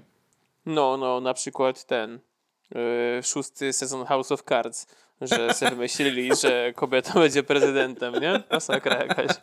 Nie do końca o co mi chodziło, aczkolwiek To był- rozumiem. To był śmieszny żart, ale to nawet nie była adaptacja, to była kontynuacja po prostu yy, fabuły. Więc tutaj mamy właśnie substytucję, następnie mamy redukcję, czyli e, detrakcję, odjęcie, usunięcie. No to oczywiście pominięcie w materiale filmowym elementu występującego w pierwowzorze. No i tutaj myślę, że idealnym przykładem jest właśnie Ghost in the Shell, e, bo to mi od razu wpada, bo ostatnio to było, gdzie właśnie to jest to, o czym wam opowiadałem. Jak mamy mangę, to tam jest bardzo dużo wątków, a do a do anime jest wyciągnięty tylko jeden główny wątek, żeby się skupić na tym, co jest istotne i żeby nie tracić na tempie. I myślę, że to jest coś, na czy, to jest, to jest o, myślę, każdy z tych, tych jest taka, e, z tych elementów jest takim czymś, co może mega zrobić albo mega zepsuć. Ale myślę, że w redukcji trzeba najbardziej uważać, bo z jednej strony, e, szczególnie właśnie jak przenosimy książkę na film, na film szczególnie, bo serial to jest inna sprawa, nie? Ale jak przenosimy książkę na film, to musimy, musimy uciąć kontentu raczej, bo No tak, fi- tak, film tak. ten. Więc to jest ważne, żeby uciąć te miejsca, które rzeczywiście nie są aż tak istotne dla przekazu, a nie uciąć tych miejsc, gdzie są mega istotne. Myślę, że tu też teraz możesz coś powiedzieć, znaczy cały czas możesz coś mówić, żeby nie było, ale myślę, że tutaj e, też jest e, dobry case, możesz właśnie tutaj do tego powrócić, bo to też jest przykład redukcji, Czyli to, o czym kiedyś tam skrótowo opowiadałeś, jak e, typowy pan e, Japoniec przychodzi e, pan, e, e, i myśli, dobra, no to kolejny sezon e, trzeba wypuścić anime, ale poprzedni robimy z tego e, film. I myślę, że to jest też bardzo case, na którym ty mógłbyś tutaj e, dać e, dużo przykładów, gdzie redukcja została dobrze albo źle zrobiona. Znaczy, bardziej bym powiedział, że w ogóle chciałem powiedzieć najpierw, że redukcja ma często miejsce właśnie w tym i to jest chyba najczęściej wykorzystywany mechanizm, chyba że jeszcze się okaże, że jakiś inny jest, o którym nie pomyślałem jeszcze, ale redukcja jest chyba najczęściej wykorzystywana, szczególnie właśnie jak już sam powiedziałeś, z książki na film, no bo jakby czasowo, nie? Książka może się ciągnąć w nieskończoność, a film nie do końca, bo jest jakiś tam określony czas i budżet i w ogóle wszystko, więc ta redukcja jest najczęściej stosowana i trzeba ją po prostu robić bardzo umiejętnie, bo dużo jest takich rzeczy, że brakuje i potem jest takie, aha, okej, fajnie. Em, czy mogę dać redukcję? Do, do czegoś konkretnego. Biłeś, mówiłeś o panu Japońcu, który robi film? No tak, no bo właśnie pomyślałem, że tutaj byś mógł dać jakiś dobry przykład dobrego i złego. Jeżeli oglądać, wiesz, jakiś film na podstawie serialu i ja tu na pewno będę mógł dać na podstawie filmu Wiedźmin i serialu Wiedźmin, ale no chciałem, żebyś też tutaj mógł ładnie coś Aha, coś bo pokazać. chodzi o to. No tylko, że to jest trochę inny case, bo no na przykład, nie wiem, e, często to, to No to jest że adaptacja, kie- no bo przeniesienie serialu na film to jest adaptacja dalej, nie?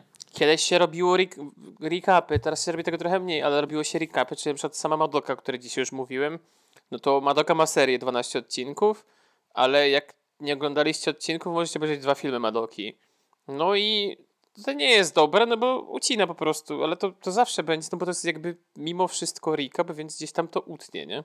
Czyli często jest mniej e, world buildingu, mniej charakter developmentu, czyli te postacie się tak nie rozwijają tak szeroko, tak dobrze, nie?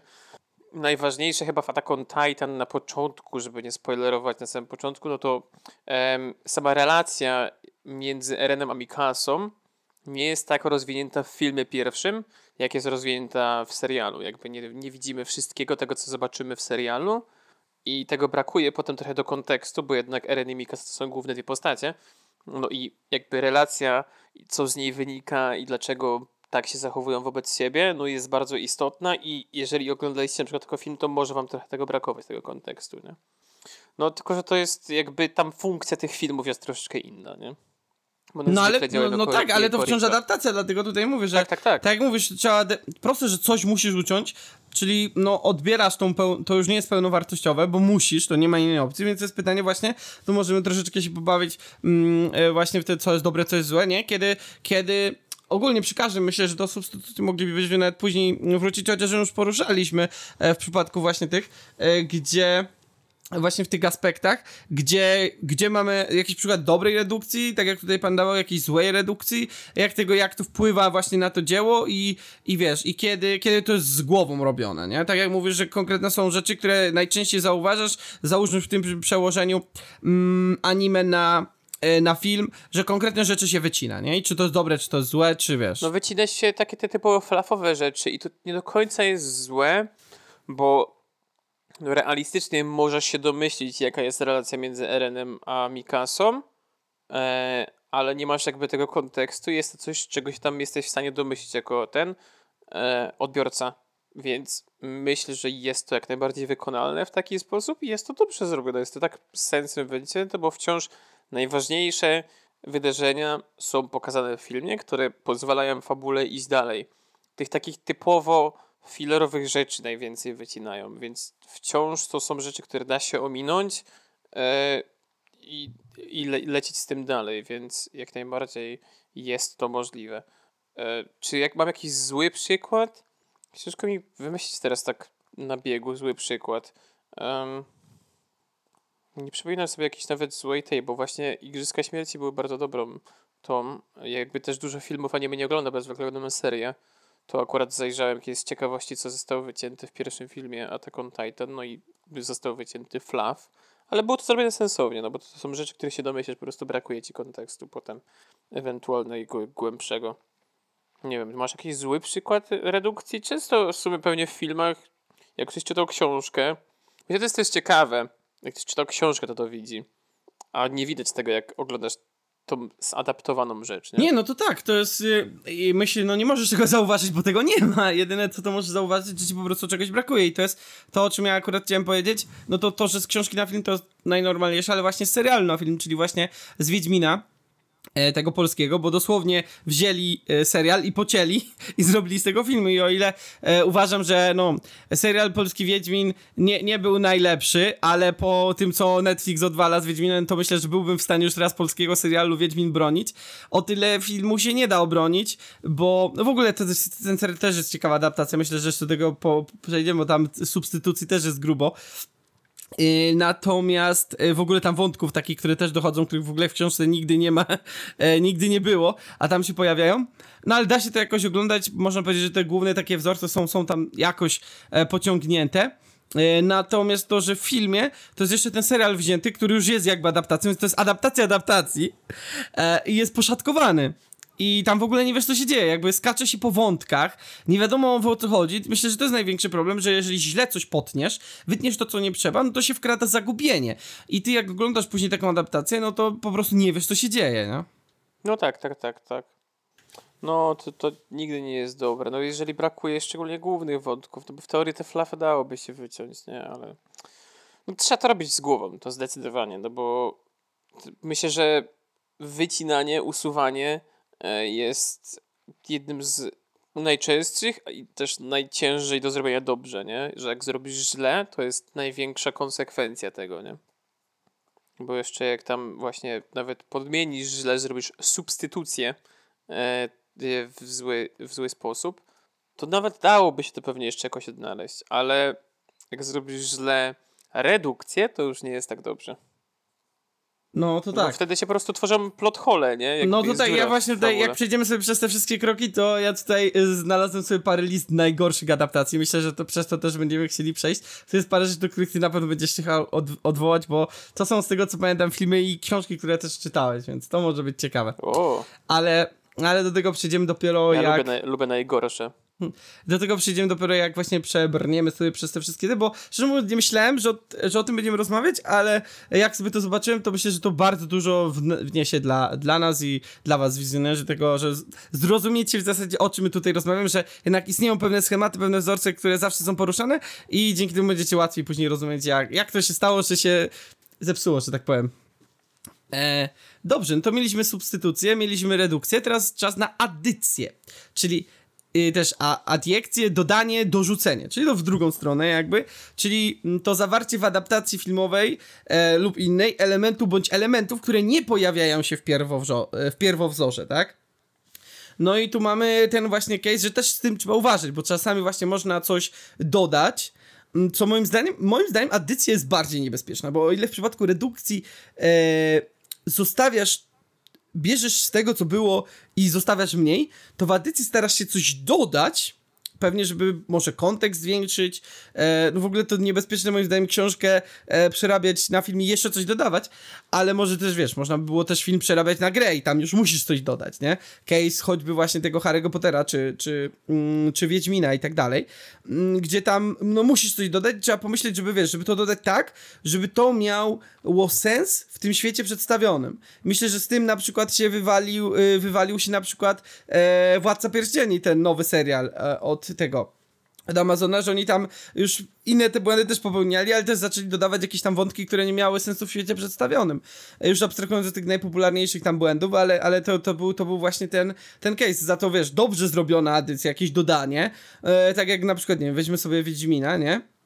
E, grę w tym przypadku, no to tam -huh. musiałeś mieć dużo dodatkowych wątków, ale za każdym razem, wiesz, jak ludzie prze, przeszli grę i później przeczytali książkę, to, e, to czuli, że nawet nie wiedzieli, że niektóre na przykład postaci e, czy przypadki były zupełnie nieporuszone. W książce to po prostu pasowało do świata przedstawionego i później jak przechodzili no tak. z jednego do drugiego medium, to to nie bolało, nie?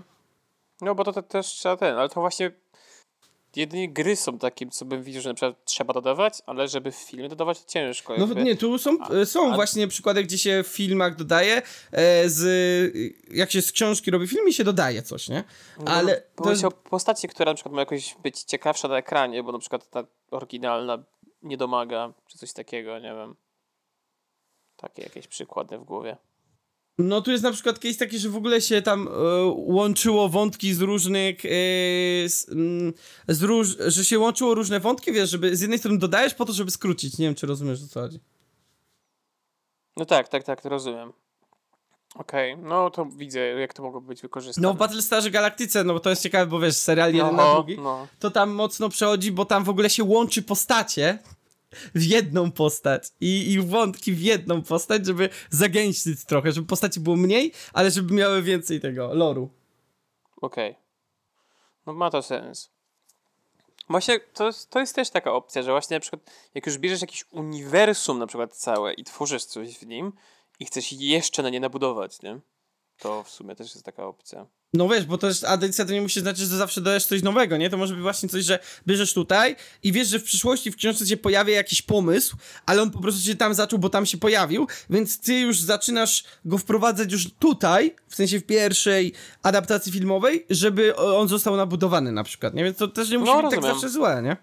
No tak, tak, tak, bo setup jest bardzo ważny do jakichś tam plot twistów i tak dalej. To jest też ciekawy temat, jak się buduje plot twisty i Zapis, zapisz. No więc wiecie, więc można to w takim przypadku właśnie wykorzystać, nie? Że ty już wiesz, że coś będzie, a na przykład autor tego nie wiedział, bo nie wiem, pisał sobie, myślę, że większość autorów planuje takie rzeczy, ale powiedzmy, że po prostu sobie na to wpadł w momencie pisania tam piątej książki, a wiesz, że można by było teraz tutaj coś dodać, na przykład jakąś postać albo coś, co by mogło to podbudować, nie? No, to, to, to brzmi jak dobra opcja na, na addycję, tak? No dobrze, no to mamy addycję, później mamy inwersję. Czy, yy, czyli, yy, proszę Państwa, przestawienie, tak? Dobrze czytam? E, przestawienie, tak, tak, czyli tak. zmianę kolejności wydarzeń prezentowanych e, w porównaniu z pierwowzorem. I jest to jeden z rzadziej stosowanych zabiegów adaptacyjnych. No, no nie dziwię się. No, inwersja, teraz to ty jesteś filmem, a ja jestem oglądającym. Robimy inwersję teraz. Teraz to wy opowiadacie coś, a my posłuchamy, co?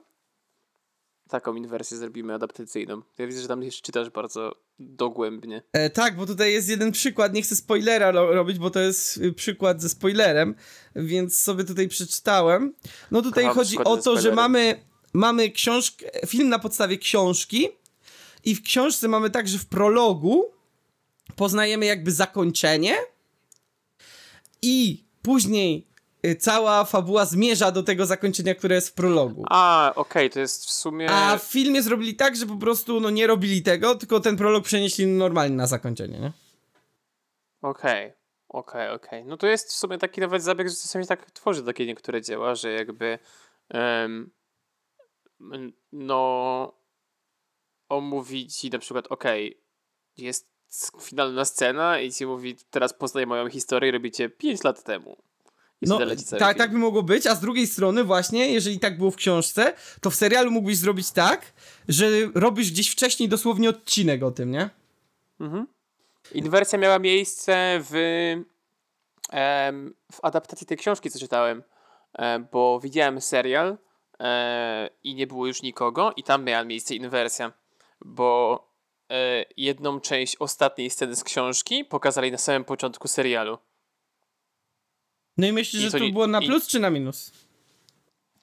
Ciężko jest mi to ocenić, bo e, zupełnie szczerze to nie zmieni... Znaczy, uważam, że to było na minus, bo jak sobie tak o tym powiem... Znaczy, trochę na minus, bo robił takie zagmatwanie śmieszne i teraz znowu nie chcę zaspoilerować.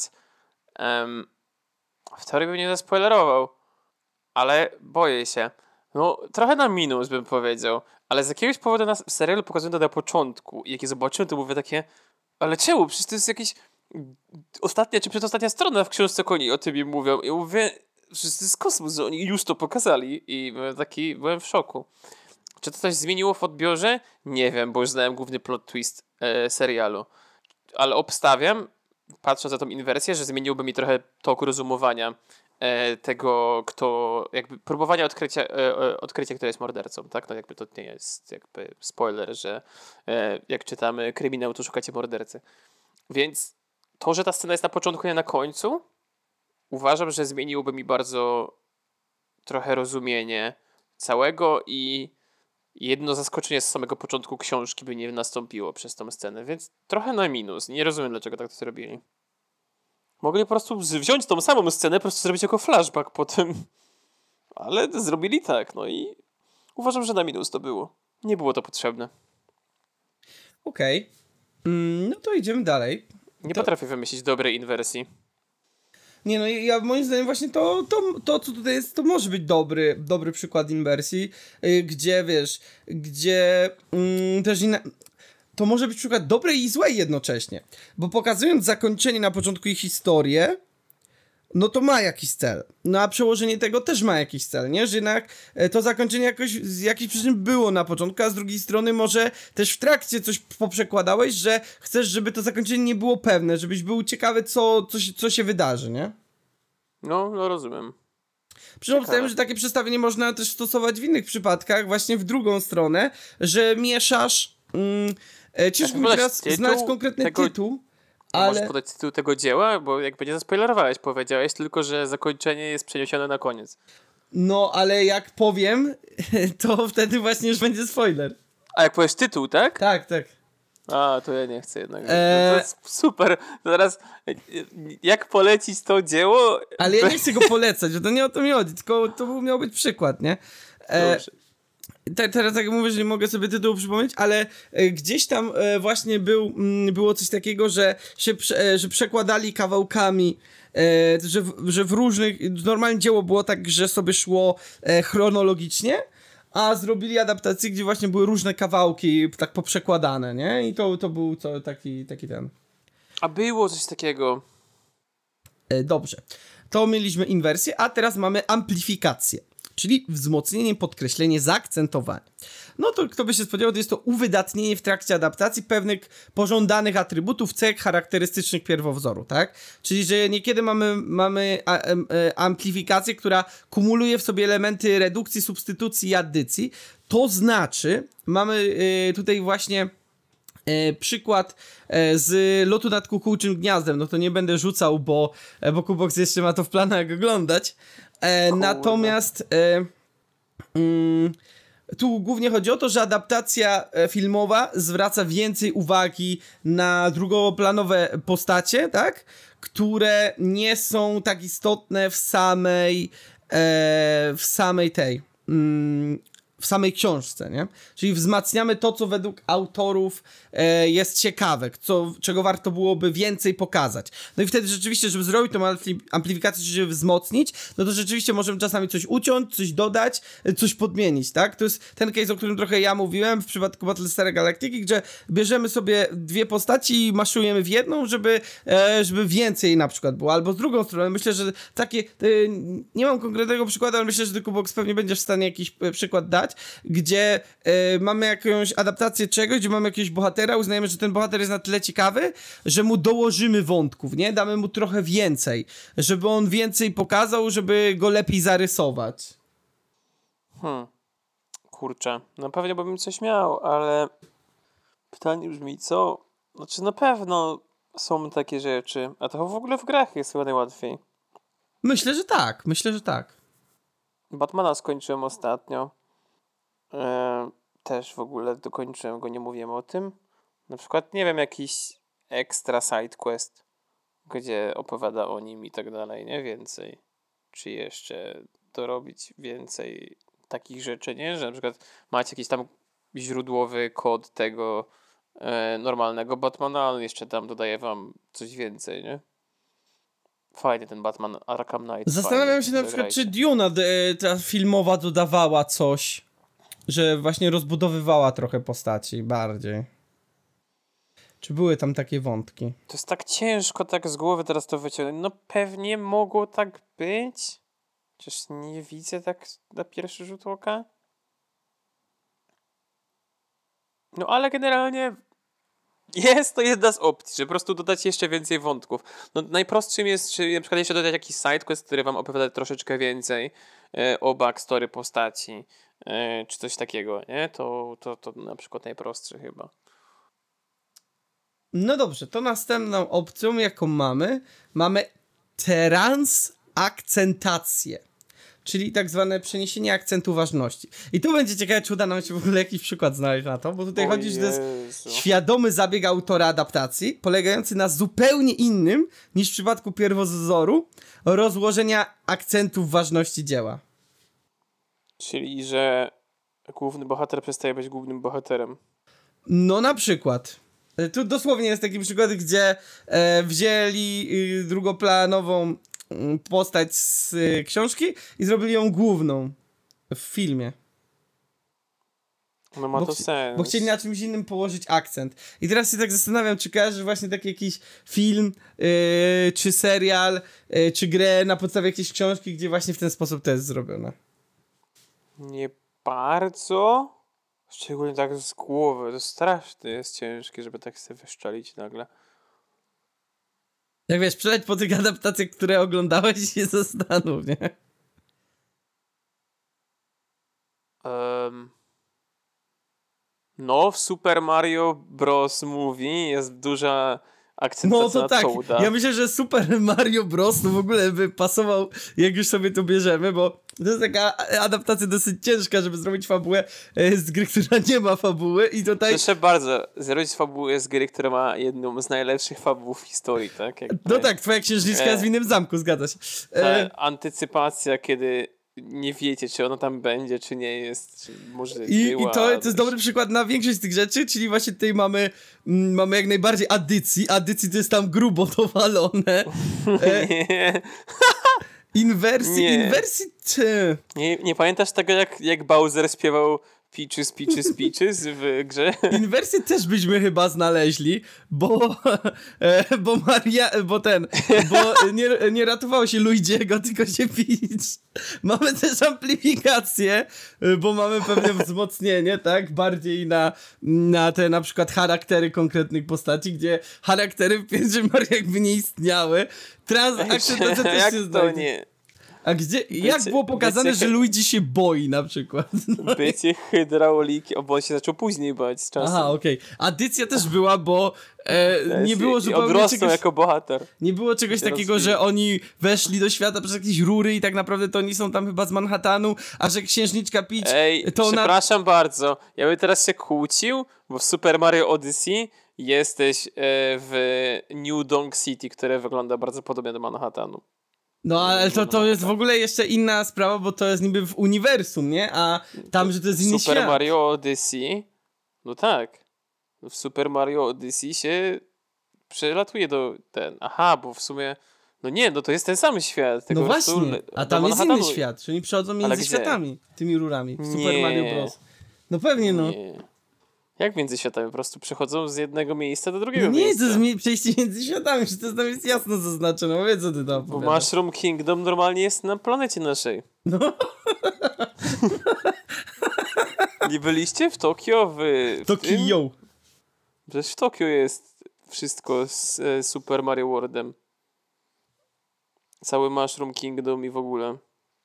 Nie musiałbym się zastanowić, ale wi- widzę takie opcje, gdzie właśnie wiesz, bierzesz jakieś jedno dzieło, robisz na podstawie tego grę, na przykład, i o jakiejś drugoplanowej postaci. Myślę, że to jest popularne, tak jakby się teraz zastanowić, tylko żeby No, mi do głowy tak. skoczyło. Żeby wziąć gierkę,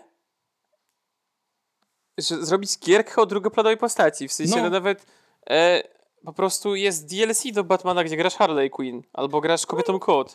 Tylko wiesz, no też te Batmany to nie jest. Nazwanie tego adaptacją jest już troszeczkę naciągane, No. bo to nie jest przerobienie jakiegoś konkretnego dzieła, tylko to jest bardziej wzięcie franczyzy, zrobienie czegoś nowego.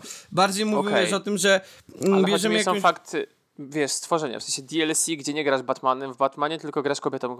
No tak, To ale rozumiesz, że Arkham Knight nie jest adaptacją per se, tak? No. A to ja mówiłem w ogóle o Arkham City w tym momencie, ale chodzi mi, żeby znaleźć teraz coś takiego w prawdziwej adaptacji. No to, to było bardziej coś jak ten. E, że, że właśnie jakaś postać jest bardziej rozbudowana, nie? A Czyli jak te momenty, kiedy grasz Siri e, w Wiedźminie trzecim. no to też nie jest adaptacja, ale tak, no to jest. Po prostu teraz szukam jakiejś adaptacji, nie? Jakiejś na przykład growej jakiegoś filmu. To wiesz, jak, jak miałeś tą, to to była adaptacja, miałeś grę Shrek 2, która dosłownie była Shrekiem 2, tylko platformówką, nie? I to jest, tylko tu bardziej była w drugą stronę, chociaż... Czy ta, jak, jakie tam były wątki na przykład na osła czy na kota przeniesione? To jest, to jest dobre pytanie. Z, bardzo ciekawy temat, tylko tutaj by trzeba było by jak dłużej na tym usiąść i ten... I przygotować Znaleźć jakiś... konkretny przykład. No, po, poszukać przykładów, bo to tak ciężko jest znaleźć nawet z głowy, tylko trzeba byłoby chyba wypisać wszystkie filmy, seriale, książki, jakie oglądałeś, patrzeć, czy to ma adaptację i zastanawiać się, gdzie tam jest ten, nie? Ciekawe bardzo. No ale to, to olejmy, nie znajdziemy konkretnego chyba. No i ostatnia rzecz, jaka nam została, to jest kompresja, czyli kondensacja struktury pierwowzoru. No i myślę, że tu szczególnie książki do filmów jak najbardziej, czyli zabieg polegający na stworzeniu e, ekstraktu pierwowzoru, to znaczy wyobrażenia, w jakim funkcjonuje w powszechnym obiegu. To znaczy, że kompresja jest sumą redukcji i substytucji pierwotnego materiału.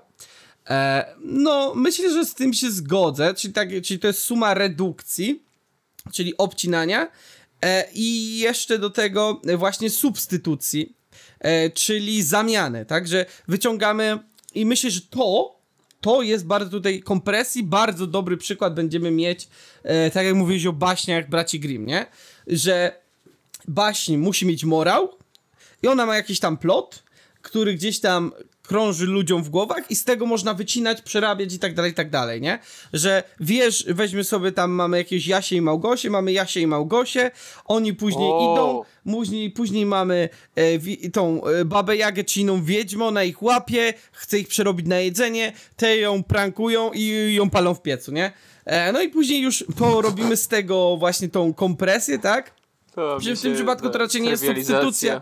Y, Przy, przy, w tym przypadku raczej nie jest. Yy, raczej, przepraszam, nie jest to nie jest redukcja, tylko raczej addycja. No to jest bajka, więc jakbyśmy szli film, to by trzeba było coś poda- podawać i, i można już w ogóle poszaleć, wiesz, może ci wyjść z tego po prostu jakaś bajka, tam dodasz trochę plotu, trochę e, odejmiesz, zamienisz, że wiesz, że o, one tam nie, ją nie palą w piecu, tylko po prostu uciekają, żeby nie robić tego i ci bajka dla dzieci, a z drugiej strony możesz pójść grubo z tą kompresją, do tego dowalić jeszcze właśnie trochę jakiejś amplifikacji i inwersji i edycji właśnie- i ci wychodzi no tak. Hansel and Gretel. Nie wiem, czy kojarzysz.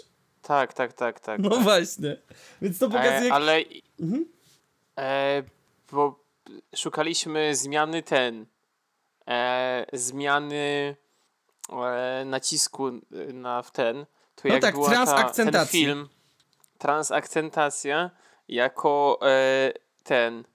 Jak się nazywały te filmy? Tam Siedem krasnoludków, e, Las to za mało, historia jeszcze prawdziwsza, czy coś takiego. Tam, tam ta, Siedem krasnoludków, historia prawdziwa. Tam jest Siedem krasnoludków. Jest A no tak, tak, no jest przeniesienie na krasno... No to, to tak, tak.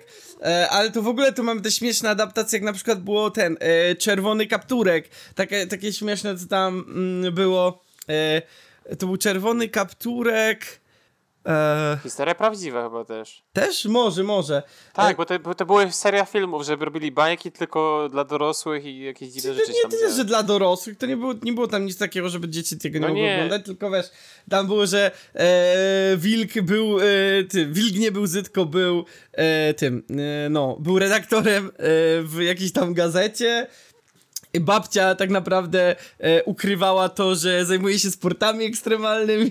tak- a tam jakiś ten drwal jakiś jeszcze był dużo tego Drwal było. tak naprawdę nie był drwalem, tylko był aktorem, który po prostu został złapany, jak tam się przygotowywał do roli, że miał ścinać drzewa, coś takiego. No to tu mamy bardzo właśnie wziętą i kompresję, tylko mm, kompresję, ale nie w stylu właśnie redukcji substytucji, tylko właśnie wyciągnięcia tego, e, można powiedzieć, mięska z bajki i dużo właśnie adycji, dużo dużo e, substytucji, e, dużo inwersji też w tamtym akurat było, no wiesz, wilk nie jest zły e, i tak dalej, i tak dalej, nie? Też transakcentacji, że przenosimy bardziej e, na ten, na historię tego tam wilka, e, a e, jeszcze rozbijamy, tam też przecież była ta, mm, tam też była e, właśnie inwersja, to co mówię, nie? Że normalnie mamy chronologię, mamy zachowaną w opowieści normalnej o Czerwonym Kapturku, a tam to było w ramach takiego, że jesteśmy na końcu już, że był atak na babcię i każda z postaci opowiada swoją wersję historii we flashbacku.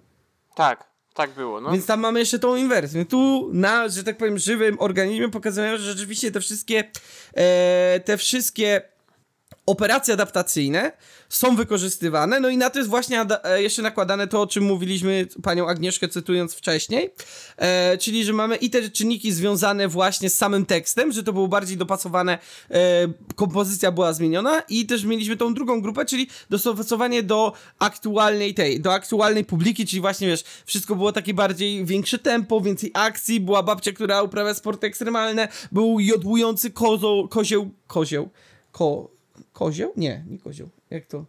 E, kozioł. Kozioł, nie wiem czemu. E, kozioł był, dokładnie. Link wizję. Lingwi, tak.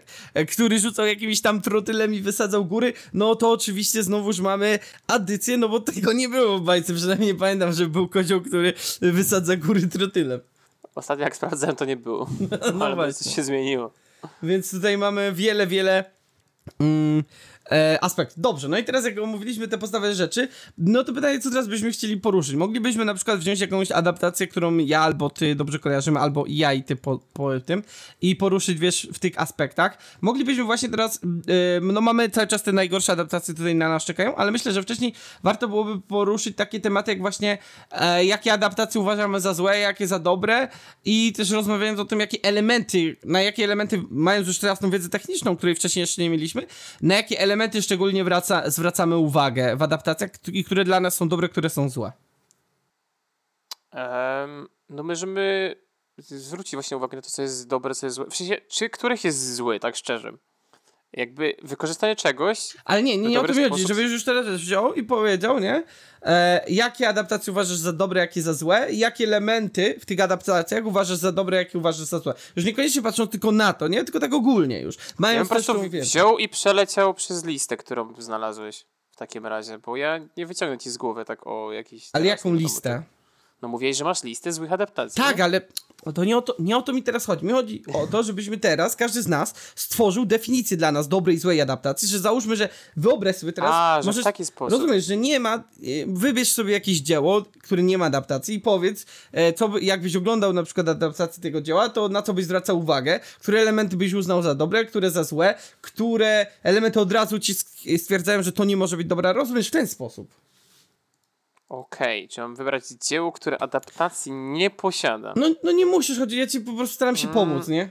Może być zupełnie bez działa, możesz po prostu wymienić elementy, które uważasz, no nie wiem, taki przykład, który na szybko, no to ja od razu mogę powiedzieć, że jeżeli byłaby to adaptacja jakaś, i która zupełnie e, zmieni sens świata przedstawionego, który znam z dzieła, które jest oryginałem, no to dla mnie to była na pewno zła adaptacja, nie? No tak, to jakby to też na pewno, że jakby świat zawarty, w którym coś się dzieje, musi być identyczny praktycznie, żeby nie zmienił się jakoś, może delikatnie, ale żeby jakby jego cały sens miał ten. Na pewno też uważam, że jakby całość fabuły, że jakby do czego ona dąży i co ona chce przekazać, żeby też to się nie zmieniło, nie? Żeby, na przykład dlatego dla mnie adaptacja Inferno e, Dana Browna była beznadziejna, bo jakby Inferno Dana Browna jako książka było bardzo istotne, że miała inne zakończenie niż wszystkie typowe książki Dana Browna, a filmy po prostu zrobili zakończenie jak typ, typowa książka Dana Browna. Miałem takie jakby nie taki był cel tego wszystkiego, jakby to wszystko miało za sobą niosło jakieś e, wartości, więc to było bardzo przykre. To na pewno jakby jeżeli gdzieś ta informacja, która miała być przekazana, czy jakieś wartości, które płynęły z tej, e, z tej historii, się zmienią, to zdecydowanie też nie. No, tu jest, to jest właśnie, właśnie ten aspekt y, tego, co na ile sobie możesz pozwolić w ramach, w ramach takiej adaptacji, nie? No tak, tylko że jeżeli wiesz, przekazujesz jakby, masz dzieło i one ma jakąś historię przedstawioną, w tym świecie przedstawioną, no to chcesz, żeby ten świat był mniej więcej taki sam i jakby w taki sam sposób działał, w taki sam sposób się zachowywał, tak samo oddziaływał na wszystko w nim, no i żeby ta historia była, prze- przekazywała przynajmniej to samo, nie? A wiesz, że wiesz, masz adaptację, że y, coś tu się dzieje, a, a ktoś w ogóle o czymś kompletnie innym nagle opowiada, nie? No to tak, tak. Jak najbardziej. No, więc, więc to bardzo to o to chodzi, żeby jeżeli wciąż przekaz jest ten sam, historia i dalej cała rzecz jest ta sama, wiadomo, przy, przy konkretnych ewentualnych e, e, adycjach czy redukcjach jak najbardziej, no bo wiadomo, bo z medium na medium będzie różnie. Jeżeli to medium przekazuje no, tą samą fabułę i ten sam przekaz ma, to jest super. Chyba teraz właśnie mi wpadła piękna adaptacja, którą warto tu będzie przy, przytoczyć, e, która robi świetnie to, czyli jest e, Portal 2 Unauthorized Musical, która świetnie ad- robi adaptację fabuły z gry w formie musicalowej i przekazuje dalej te same rzeczy, e, dodaje jakieś fajne rzeczy, no bo nikt nie śpiewał w Portalu, więc jakby dodaje jakieś fajne rzeczy, przekazuje te historie e, w typowy sposób musicalowy, ale wciąż jest ta sama puenta, to samo i tak dalej. Jakby cał, cała baza tej fabuły się nie zmieniła, cały świat przedstawiony również się nie zmienił. Po prostu przeniesiono go na coś zupełnie odmiennego, gdzie nigdy byście nie pomyśleli, że to się wniesie, nie? I naprawdę takie rzeczy się bardzo fajnie ogląda, jeżeli wciąż przekazują to samo, tak? Więc to jest dla mnie dobra adaptacja, która przenosi świat i przenosi przekaz w sposób praktycznie niezmieniony, że zostaje ten sam przekaz i ten sam świat. To jest moja wypowiedź, chyba już nic więcej do tego nie dodam. I wiesz co, i w trakcie tej wypowiedzi, jak ja sobie ją słuchałem, która oczywiście ma sens, i jeszcze tego, No, dziękuję. jeszcze tego, co powiedziałem wcześniej, to uznałem, że że okrutne to będzie, ale chyba będę musiał powiedzieć, że tak w 80% to zależy. Gdyż O Boże. jak przed chwilą stwierdziłem, że no nie, no musi świat przedstawiony być być dobrze, być oddany i tak dalej, i tak dalej, to doszedłem do wniosku, że wyobrażam sobie adaptację jakiegoś świata, który który uwielbiam i ten świat jest tam specjalnie poprzekręcany i to może być dobre, nie? Więc to jest jak się, jak tak się, może to inaczej, nie? No bo też co, co rozumiem jako adaptacja, jak sobie do tego przejdziemy, że to jest jakby bo teraz, przystosowanie. Bo teraz właśnie... zależy do, od tego, na co i też ja liczę, nie? Tu przechodzimy do ty, tego problemu, o którym kiedyś tam rozmawialiśmy, że e, co ci sprzedają, że czym to będzie, tak? Bo jeżeli mówimy o, że idę na adaptację, weźmy sobie, weźmy tą Dune, to może być dobry przykład, że idę na adaptację Duny i to ma być właśnie adaptacja bo to, to jest jeszcze też, żebyśmy wiedzieli, że kiedy jest adaptacja, a kiedy coś jest na motywach, nie? Może to jest też ten case, nie? Bo tutaj jest tak mocno poruszone, że w zasadzie wszystko może być adaptacją, bo możesz zrobić adycję, możesz zrobić sobie substytucję, jeszcze wyciągnąć z tego esencję i ten, nie? Ale myślę, że to też czasami tak ładnie rozróżnia, że coś jest adaptacją, a coś jest na motywach czegoś. I o ile w tym przypadku, że jak coś jest na motywach czegoś, można sobie bardziej pojechać i mniej trzymać się, że tak powiem, ramy jakiejś, o tyle jeżeli jednak mówimy o adaptacji, no to tak jak mówię, jeżeli mówimy o czystej takiej adaptacji, no to na pewno dobre elementy to są takie jak mm, zachowujemy przekaz oryginału, e, klimat tego oryginału, świat przedstawiony oryginału, tak? E, no tak. E, mi, e, myślę, że też dobre rzeczy są tak, jak ucinamy rzeczy niepotrzebne, bo nawet w idealnych książkach mogą być rzeczy, które się przedłużają, czy w, czy w serialach, czy cokolwiek ten. Więc takie rzeczy Albo można... się nie sprawdzają w filmie po prostu, bo Tak, które mogą nie pasować, na przykład jakieś rzeczy, tak. długie opisy fabularne, czy monologi wewnętrzne mogą nie pasować w filmie, jak najbardziej. E, jeżeli mamy tutaj, że jakaś postać zostaje wzmocniona, szczerze mówiąc, jeżeli to jest dobrze zrobione, to nie, nie przeszkadzałoby mi to. To nie, jeżeli by była na przykład, wiesz, adaptacja powiedzmy może Duna to nie byłaby dobrym przykładem, ale jakiejś tam innej książki czy serialu e, z naciskiem na opowiedzenie drugiej strony historii. Na przykład wyobrażałbym sobie, i to by mogło być ciekawe, żeby zrobić serial, e, adaptację Sherlocka Holmesa z perspektywy e, tego Watsona. A, jak no, on właśnie, tak. jak on właśnie musi e, jak on sobie radzi z tym geniuszem Sherlocka i z tym, że on tu wymyśla jakieś rzeczy, robi jakieś dziwne rzeczy, on jest tylko obok i też coś tam próbuje wykombinować, nie? No, to też byłoby ciekawe. W sensie, no rozumiem, tylko nie, nie określiliśmy jak, jakiej adaptacji, bo jakby to się zgadzam z tobą w 100% to, o czym mówisz, a ja po prostu powiedziałem takiej typowej adaptacji w stylu że chce jeden do jednego mieć przeniesioną historię, bo teraz na przykład biorąc nawet tego czerwonego kapturka prawdziwą historię, no to jakby tam cel samej adaptacji był troszeczkę inny. Miało to być komediowe, miało to e, gdzieś bawić i parodio parodiować, więc to jakby miał inny cel e, adaptacji, dąży czegoś innego. No tak, więc tak jak mówię, tu, najprościej bym... jak utrzymamy to w ryzach, że po prostu utrzymaj to w ryzach e, tego, że jakbyś chciał taką jeden do jednego adaptację w stylu nie mam czasu przeczytać książki, chcę zobaczyć film, zróbcie mi adaptację książki X. No to tak, no to, no to nie, no tak jak mówię, ja bym tutaj oparł, to zależy, nie, więc, e, więc to jest, okay. jak mówisz, jak mówisz właśnie o tym, że jest zupełnie, no to wtedy liczyłbym na to, że właśnie główne wątki zostaną, e, że bohaterowie zostaną odpowiednio przedstawieni, że świat się za bardzo nie pozmienia, że nie będzie wyciągnięty ten i że też nie zostaną dołożone rzeczy, których, które ich nie było, ale rzeczy, które mogą istotnie zmienić pogląd, tak? Że pokażą ci świat inaczej niż pokazywała książka, tak? No a później już się mhm. otwieram bardziej właśnie na to, że adaptacja może być właśnie też ciekawa, że właśnie mm, y, zrobić, robić tą inwersję, że pokazuje ci coś z innej, trochę ci przekłada e, wątki czasowe, e, trochę ci właśnie podmienia, że patrzysz bardziej, wzmacnia ci innego bohatera, bo to może być ciekawe, że właśnie czytałem książkę, teraz chcę zobaczyć to samo, ale trochę inaczej, jakby rozumiesz, nie? I to wtedy też może być mega no tak. fajne, bo jesteś fanem tego, więc dalej chcesz, żeby ci nie zepsuli uniwersum, ale chcesz no tak, od innej perspektywy się spojrzeć, nie? To trochę zależy teraz od tego, co, czego oczekujesz od takiej adaptacji, no bo jeżeli oczekujesz od adaptacji właśnie, że już przeczytałeś książkę, to to jest co innego. Jak na przykład nie czytałeś książki, ale chciałeś przeczytać tę książkę, nie masz czasu, chcesz być dwugodzinny film mieć to z głowy, no to wiesz, to też jest Tak, no ale załóżmy, że mamy właśnie teraz e, książkę i robimy albo film, książkę albo film i robimy z tego grę. No to wiesz, tu już możesz sobie więcej pozwolić na tej adaptacji, nie? Ale dalej bym oczekiwał, że świat przedstawiony będzie taki jak w tym uniwersum, którego, mm, z którego, którego jestem zainteresowany. Może on być troszeczkę właśnie gdzieś wzmocniony, gdzieś dodany, ale jednak, że on ma tego ducha tego świata. E, I tak samo tu też bym się nic by nie przeszkadzał, jakbym nie był głównym bohaterem, tylko na przykład jakimś gościem, który jest po prostu w tym świecie i ten główny bohater się po prostu tutaj przewija. To by było zupełnie normalne, naturalne. Też jakby były jakieś dodatkowe wątki, jakieś takie mniej istotne rzeczy mogły być pousuwane. Wiesz, tutaj jesteś w stanie dużo sobie pozwolić, ale jednak pewne takie e, kluczowe rzeczy zostają, tak? Że oczekujemy tego, że świat będzie odpowiednio przedstawiony, że będzie trzymał się logiki świata przedstawionego, to też jest moim zdaniem ważne, i że te wątki, które będą, nie będą jakby w sprzeczności z tym, jaki był główny przekaz tego dzieła, nie? No rozumiem. Że jak na przykład mieliśmy taką, e, bo to też zawsze mówimy, że tu jest cały czas ten case, że, że to nie jest na motywach, czy to nie jest wykorzystanie uniwersum, tylko to rzeczywiście jest adaptacja, nie? No tak.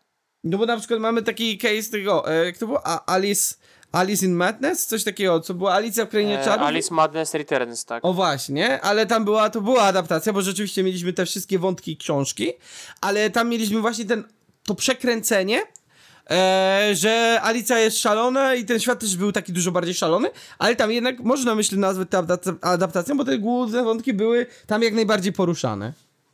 No, myślę, że tak, no.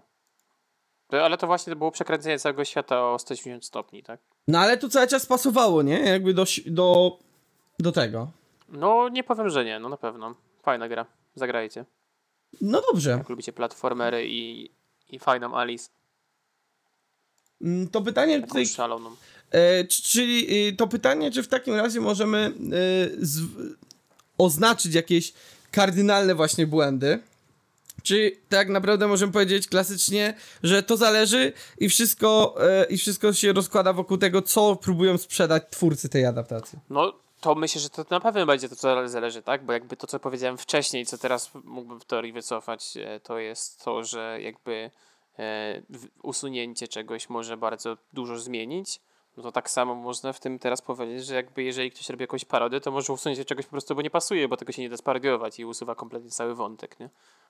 No, Więc albo że nie wypada tego parodiować, nie? Bo mogą być takie. e, takie może też tak być. No dobrze. No, E, to idziemy dalej. E, tu za, za, zaznaczyłem sobie takie pytanie, czy jest coś, na co zawsze zwracasz uwagę w adaptacjach? Albo coś, co przyciąga twoją uwagę zawsze, jak widzisz, że coś będzie adaptacją czegoś.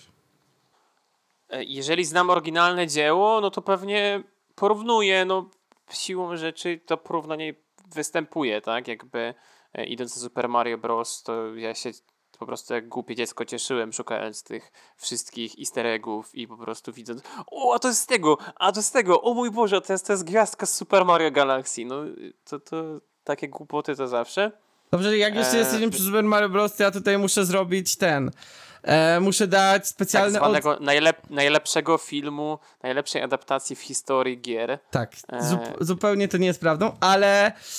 E, Last of Us jest serialem, więc trochę innej kategorii. E, chciałem po prostu dać tutaj odznakę wizji e, dla gwiazdki z depresją. Ona jest najlepsza ze wszystkich postaci w tym, No. w tym filmie. Nie, no, Bowser, który śpiewa Peaches, Peaches, Peaches, Peaches, Peaches, Okej, Jack Peaches, Black też, Peaches. ale ta gwiazdka, ona tak nie zrobiła robotę. Jak oni tam wszyscy No. siedzą, ona... Jest, wreszcie Ona taka- zginiemy! Koniec naszej. Tak, a to jest gwiazdka z Super Mario Galaxy. Tak, no. tak, no. a to tak. Piękne. To, Jeszcze na piękne końcu, jak było, zrobiła ale- solówkę na saksofonie, no niczego więcej do szczęścia nie potrzebuje. Piękne, to, to świetne było, naprawdę. Ja polecam serdecznie. Obejrzyjcie, bo warto. Jakby naprawdę mega dobry animowany film. Em, no to kurczę. No ciężko powiedzieć, że coś będzie źle, bo jakby, oczywiście może być wykonane źle. E, jakby coś mogło nie być wykonane źle, to nie byłoby filmu w kategorii Z, e, horrorów szczególnie. Nie oglądajcie e, ten Would You z Sashą Grey. Nie polecam. Znaczy nie no, śmieszne jest generalnie, zabawne. Ale to horror miał być. Więc no tak naprawdę to wszystko zależy od intencji, co ty chcesz osiągnąć. E, oczywiście mówiąc o takiej czystej adaptacji, że chcesz przekazać gdzieś tam możliwie jeden do jednego po prostu na inny medium, oczywiście kardynalnym błędem byłoby na przykład usunięcie jakiegoś ważnego plot twistu, po prostu robienie ciach i nie ma, albo jakieś Usunięcie Tak, głównego podchodzi. bohatera. usunięcie wątku jakiegokolwiek głównego. Więc no jakby ciężko jest wykreślić na takiej bardzo ogólnikowej, bo przeszliśmy tak naprawdę przez tak dużą grupę przeróżnych, e, najróżniejszych, dosłownie najróżniejszych e, opcji, jeżeli chodzi o adaptację, że nie da się teraz wymienić jakiegoś jednego konkretnego kardynalnego błędu, bo coś może być kardynalnym błędem, jeżeli mówimy o jakimś jednym podtypie, ale jak ktoś na przykład robi parodię z czegoś, no to kurczę, tam już są inne zasady, nie? Teraz myślę, że Tam możemy kardynalnym błędem takich... byłoby nie robienie, robienie nieśmiesznego, byłoby kardynalnym błędem. Albo kardynalnym błędem jest mówienie, że Super Mario Bros. nie jest najlepszym filmem animowanym w historii. To ja uwielbiam popełniać ten kard- kardynalny błąd. E, dobrze. Ja myślę, że tu jeszcze zanim przejdziemy do tych najgorszych adaptacji, które tam mam, ten, no to one głównie są filmowe i głównie są e, growe e, e, w obie strony, że tak powiem. Ale myślę, że warto poruszyć takie mm, ciekawe adaptacje. Ciekawe w sensie nie zawsze dobre, ale interesujące za sam pomysł. Na przykład dla mnie takim wyróżnieniem jest opowieści z pętli. Adaptacja na e, Amazon Prime. Jest to adaptacja gry RPG. RPG papierowego. Wow. No tak, bo ja Tales from the. Loop. Miałem kiedyś grać w pętlę. I zrobili na podstawie tego systemu RPG, zrobili serial. Bo o ile w Wow. drugą stronę, to często się, znaczy często, no zdarza się i myślę, że to jest też dobry case, że na podstawie jakiejś franczyzy, e, tylko tak jak mówię, no to raczej już e, ten, robimy grę papierową, grę RPG, no tutaj mamy przykład e, choćby Dune, nie? Duna ma swoje D20, nie? Albo, nie wiem, Conan 2D20, no to też na podstawie jest, e, książek, nie? Gdzie próbujemy właśnie, i tu jest, myślę, że tutaj RPG właśnie głównie próbują wyciągnąć tą esencję, nie? Po prostu, że dodają, rozbudowują świat, e, ale właśnie one starają się wyciągnąć tą esencję, żeby ci ją przekazać, nie? Mhm. No a tutaj musieli w drugą stronę jeszcze, gdzie e, właśnie z tej esencji świata przedstawionego stworzyć, to jest praktycznie musieli, można powiedzieć, stworzyć kampanię Zacząłeś stworzyć kampanię i, całą. i opowiedzieć historię jak w serialu. To bardzo, jedna z ciekawszych adaptacji, nie spodziewałem się, że w tę stronę da się zrobić dobrą adaptację. A jest całkiem, A, całkiem. Widziałeś? No mówię, że jest całkiem, całkiem. Okej. Nie, nie jest to jakieś arcydzieło, ale jak na to, w którą stronę to się działo, to... Tak samo myślę adaptację... Okej, adaptacji gry planszowej na serial albo film chyba jeszcze nie... Nie, Cludo. Cludo miało przecież adaptację. A, było, no. To była, by, była adaptacja. Zdecydowanie jedna z dostępnych adaptacji. Nie oglądałem tego, więc nie wiem, ale Cludo akurat dałoby się łatwo, myślę, zrobić adaptację, bo dosłownie to mamy grę o tym, że szukamy mordercy, więc jakby... Większość kryminałów to Po jest prostu zatru- za- zatrudniasz Agatę Christie i ci robi, ci robi, adaptację. tak. Pierwsze potrzebujesz jeszcze jakiegoś tego nekromansera, żeby ci ożywiła, później już... Ale nie, to, to, to dawno temu było chyba ta adaptacja, o to mi chodziło. Ja rozumiem, że ten, ale no... Kiedy była Cluedo? Nie wiem, kiedy było Cluedo. E, dobra. E, jeszcze z takich ciekawych, no to tak jak po, myślę, że to jest podobnie jak robimy e, grę planszową na podstawie na przykład jakiegoś filmu. No tutaj mogę powiedzieć, bo tak jak wam opowiadałem, grałem ostatnio w Think, no to to też jest rodzaj kompresji, że musisz wyciągnąć te rzeczy, które najbardziej się kojarzą z tym uniwersum, żeby to dobrze pokazać. Akurat e, coś jest bardzo dobrą adaptacją, w sensie takim, że to jest dosłownie przeniesienie filmu, bo często jest tak, że się po prostu wykorzystuje uniwersum, tak? To jest to, że bierzemy tylko IP, a tu dosłownie przenosimy całą fabułę, że jesteśmy tymi postaciami, dzieje się to samo, co e, w... Dzieje się to samo, co w filmie, tylko może być jakiś trochę inny efekt tego, tak? Ale też No tak. staramy się wyciągnąć, więc e, myślę, że tutaj no, musimy zwrócić właśnie uwagę na to, żeby odpowiednie e, w przypadku robienia takiej adaptacji, myślę, że tu warto zwrócić uwagę, że musimy wyciągnąć odpowiednią esencję, żeby później móc stworzyć e, to dzieło, szczególnie jak właśnie idziemy tam z, powiedzmy, z filmu, serialu do planszówki czy do papierowego RPG, nie? To są takie podstawowe aspekty, nie? Mhm. No tak, tak, tak, tak, tak. Podoba mi się, jak się ze mną zgadzasz. No bo, nie, no bo jakby nie mam co więcej dodać, jakby mówisz, mówisz fakty, no. Pluje no, faktami.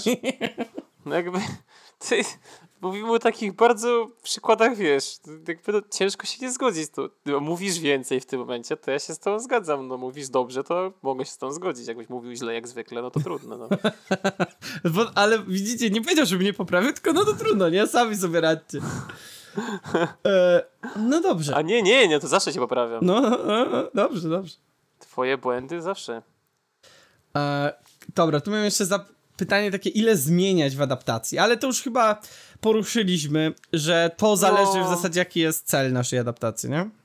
No tak, no bo to ciężko jest stwierdzić tak o po prostu. Em, więc to zależy, co chcecie osiągnąć, nie? Okej.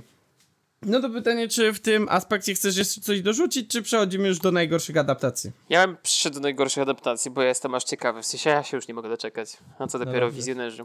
No to mamy kilka list, wzi- wziąłem po prostu kilka list mm, z różnych tych i zrobiłem merch.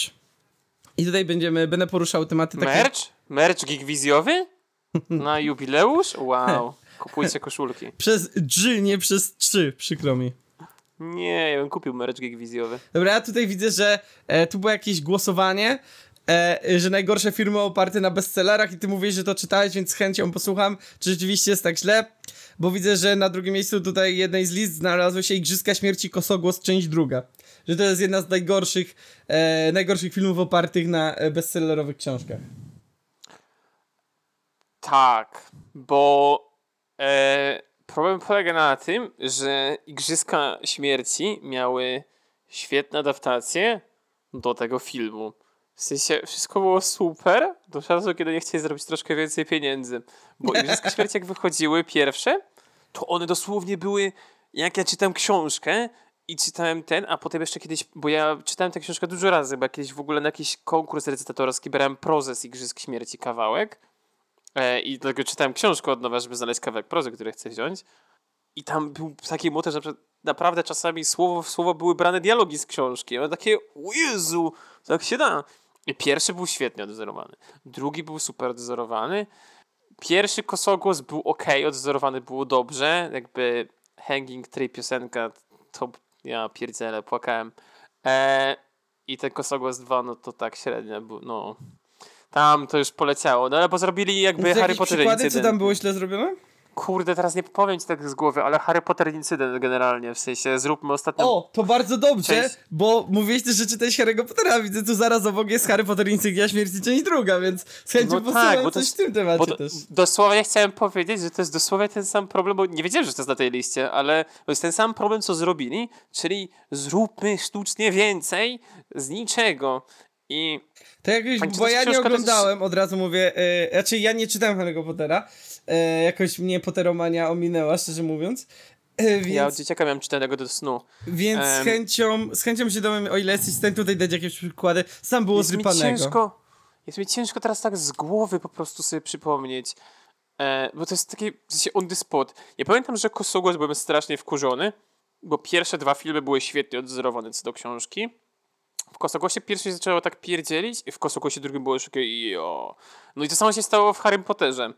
Że w sumie było dobrze, dobrze, dobrze i potem zrobili te insygnia śmierci na dwie części. I dlatego powiedziałem od razu, że to jest ten sam motyw, to jest taka sama sytuacja, czyli ostatnią część serii, w, przy, przy, w przypadku Igrzysk Śmierci Trylogii, w przypadku e, Harry'ego Pottera Pentologii, e, Septologii, przepraszam, e, gdzie mamy 7 książek, ale 8 filmów i tak samo w Igrzyska Śmierci mamy 3 książki i 4 filmy. Wiesz, zawsze mogliście rozdzielać? zrobić tak jak z biednym, myślę, że tu warto przypomnieć biednego Hobbit. Hobbita, gdzie zrobili z jednej książki Jedne trzy książki, filmy. trzy filmy. I w tym to ostatni film z pięciu ostatnich stron książki?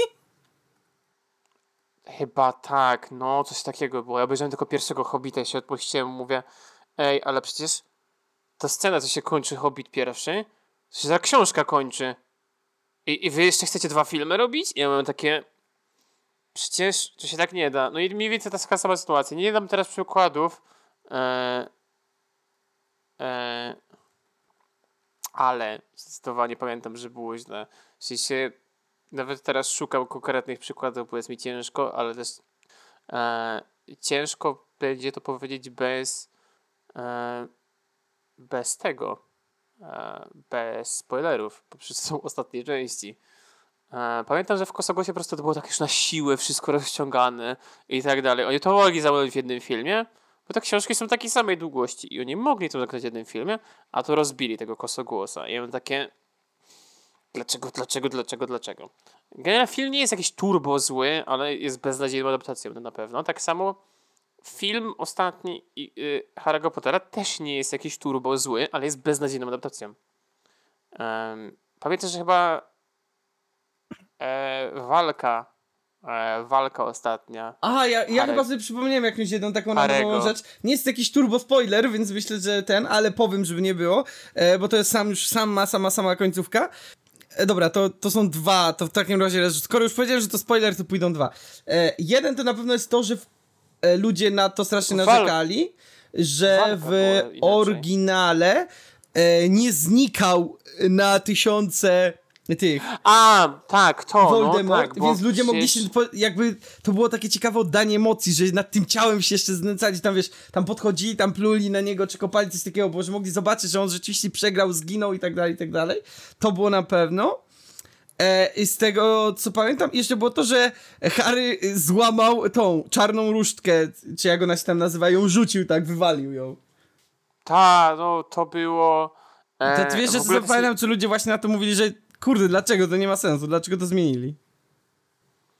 E, I cała walka była taka ten, w sensie w książce to po prostu był, nie było jakiejś epickiej, no to ewidentnie było dla, dla filmu dodane, w sensie jakby na samym końcu Harry Potter z Voldemortem stają w takiej epickiej walce, dosłownie jakby, jakbyście byli w podstawówce i się bili i była soluwa, tam stoją ludzie i tak dalej, A to tak, tak no. podchodzą i on tam mówi, no Harry, Harry, o, i tam się śmieje i to jest ho, ho, ho, ho, i w ogóle i przecież oni tam walczą, jest epicka walka, wszyscy to patrzą. To nie ma logiczny, sen- po pierwsze, to nie ma logicznego sensu, bo jakby ziomek tam jest i go trzeba zabić, to jest największe zło na świecie, czemu nikt mu nie pomaga? E, I w ogóle jakieś rzeczy, oni sobie robią jakieś kurde walki, jakby byli jakimiś orkami w D&D i po prostu mają jakąś e, świątynną walkę. A po prostu było... walkę. No ale w WoWie tak było. To się nie pamiętam jak się to nazywało. Em, gdzie się walczyło po prostu w takim kółku. I to była święta walka. No ale tam po prostu oni walczą, a w książce po prostu było raz, dwa, zrzucili spela, dziękuję, koniec. A to też takie Więc- trochę, szczerze mówiąc, jakbym tak miał powiedzieć, to mnie by to chyba tak trochę, że wiesz, jakby ten pojedynek Ale nie, tam... tam, tam był build-up do tego, nie? E, a nie, więc jakby e, tam był build-up do tego, tylko że no kurde, no, to nie jest normalne, żeby tak ludzie, wiesz, stali. Dobra, ho, teraz się zabijemy nawzajem. Hona solo, Hona solo. No i wszyscy wokół stoją, mają wywalone kompletnie. No nie, tam dużo takich rzeczy było. Em, ale tak mówię, nie pamiętam dokładnie, bo jakby u mnie bardzo długie są odstępy między książką a ten, no bo jakby ja miałem książkę do, do snu czytaną za dzieciaka, więc jak ona tam wychodziła, jestem 2000, więc jakby jak ona sobie wychodziła, w 2007 wyszła, w 2007 już sam czytałem e, i gdzieś e, te, fu, Insygnia, e, więc to przeczytałem, a Insygnia film wyszedł dużo później, No, e, trzy lata później. Część pierwsza, a część druga e, ja pamiętam na części pierwszej byłem w kinie, jeszcze ze szkoły, z Część gimnazjum pierwsza, chyba. część, pierwsza, część pierwsza była w 2010, część druga była w 2011. E, więc no jakby to były 4 lata między czytaniem książki a filmu. No ja pamiętam, że mi tam nie pasowało dużo rzeczy i tak dalej, no ale jakby zostały zrobione rzeczy ze względu na film. Ale to było tam ten. E, no i w Kosogłosie było podobne, że oni tak po prostu to rozciągnęli na siłę i porobili jakieś cudawianki i tak dalej. Też nie chcę tam spoilerować, ale no, ciężko jest to po prostu też z głowy tak wyciągnąć, no bo jednak mimo wszystko to są rzeczy, które oglądałem miliony lat temu. Miliony lat temu. Kubox jest wielkim przedwiecznym, jakbyście nie wiedzieli. Jest tak. No, co tam jeszcze można powiedzieć? Dobrze, lecimy dalej. Co jeszcze takiego, co możemy... Co ja albo ty... O, znowu Kubox. Teraz, teraz mamy wymianę. Kod Da Vinci. O, oglądałem teraz. Tylko, że książkę czytałem jak miałem jakieś 13 lat. A oglądałem teraz święta Kod Da Vinci. Jak byłem u wujka. I oglądałem go na dwa razy. Bo e, byłem u wujka na święta. I oni poszli na pasterkę, oglądałem Kod Da Vinci i zasnąłem. Nie, przepraszam, przed świętem, przed Wigilią byłem.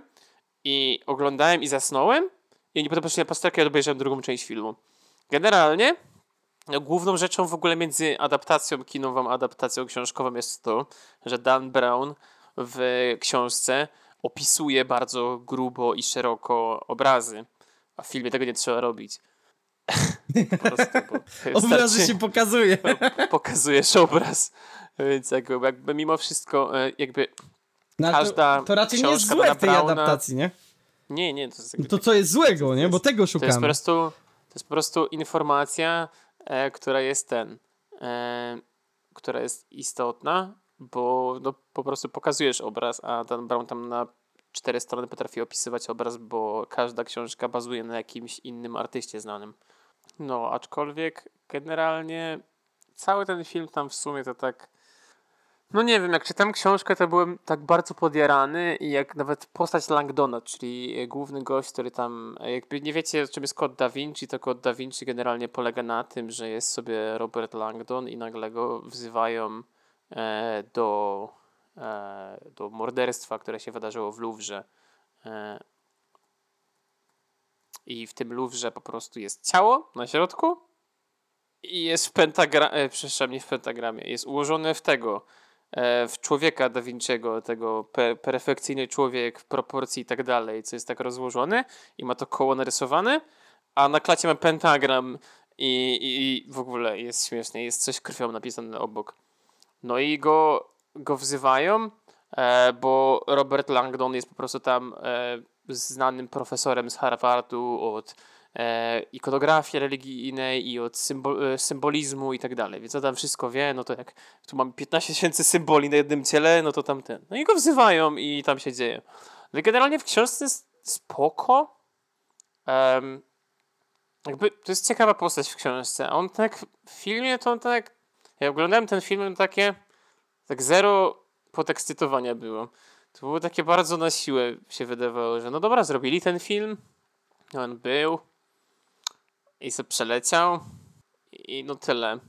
I tam tylko plot ratował, ale nie wiem, jakby sam Langdon był taki bardzo nudny i w sumie to mu nie zależało za bardzo na odnalezieniu Gralia, bo oni tam finalnie próbują odnaleźć świętego Grala, bo tam o to chodzi, nie? I, i, i to średnio strasznie to wyszło. Tak, naprawdę książka była bardzo ciekawa i ja za dzieciaka przeżywałem, mi się bardzo podobała. W sensie ja lubię bardzo książki Dana Browna.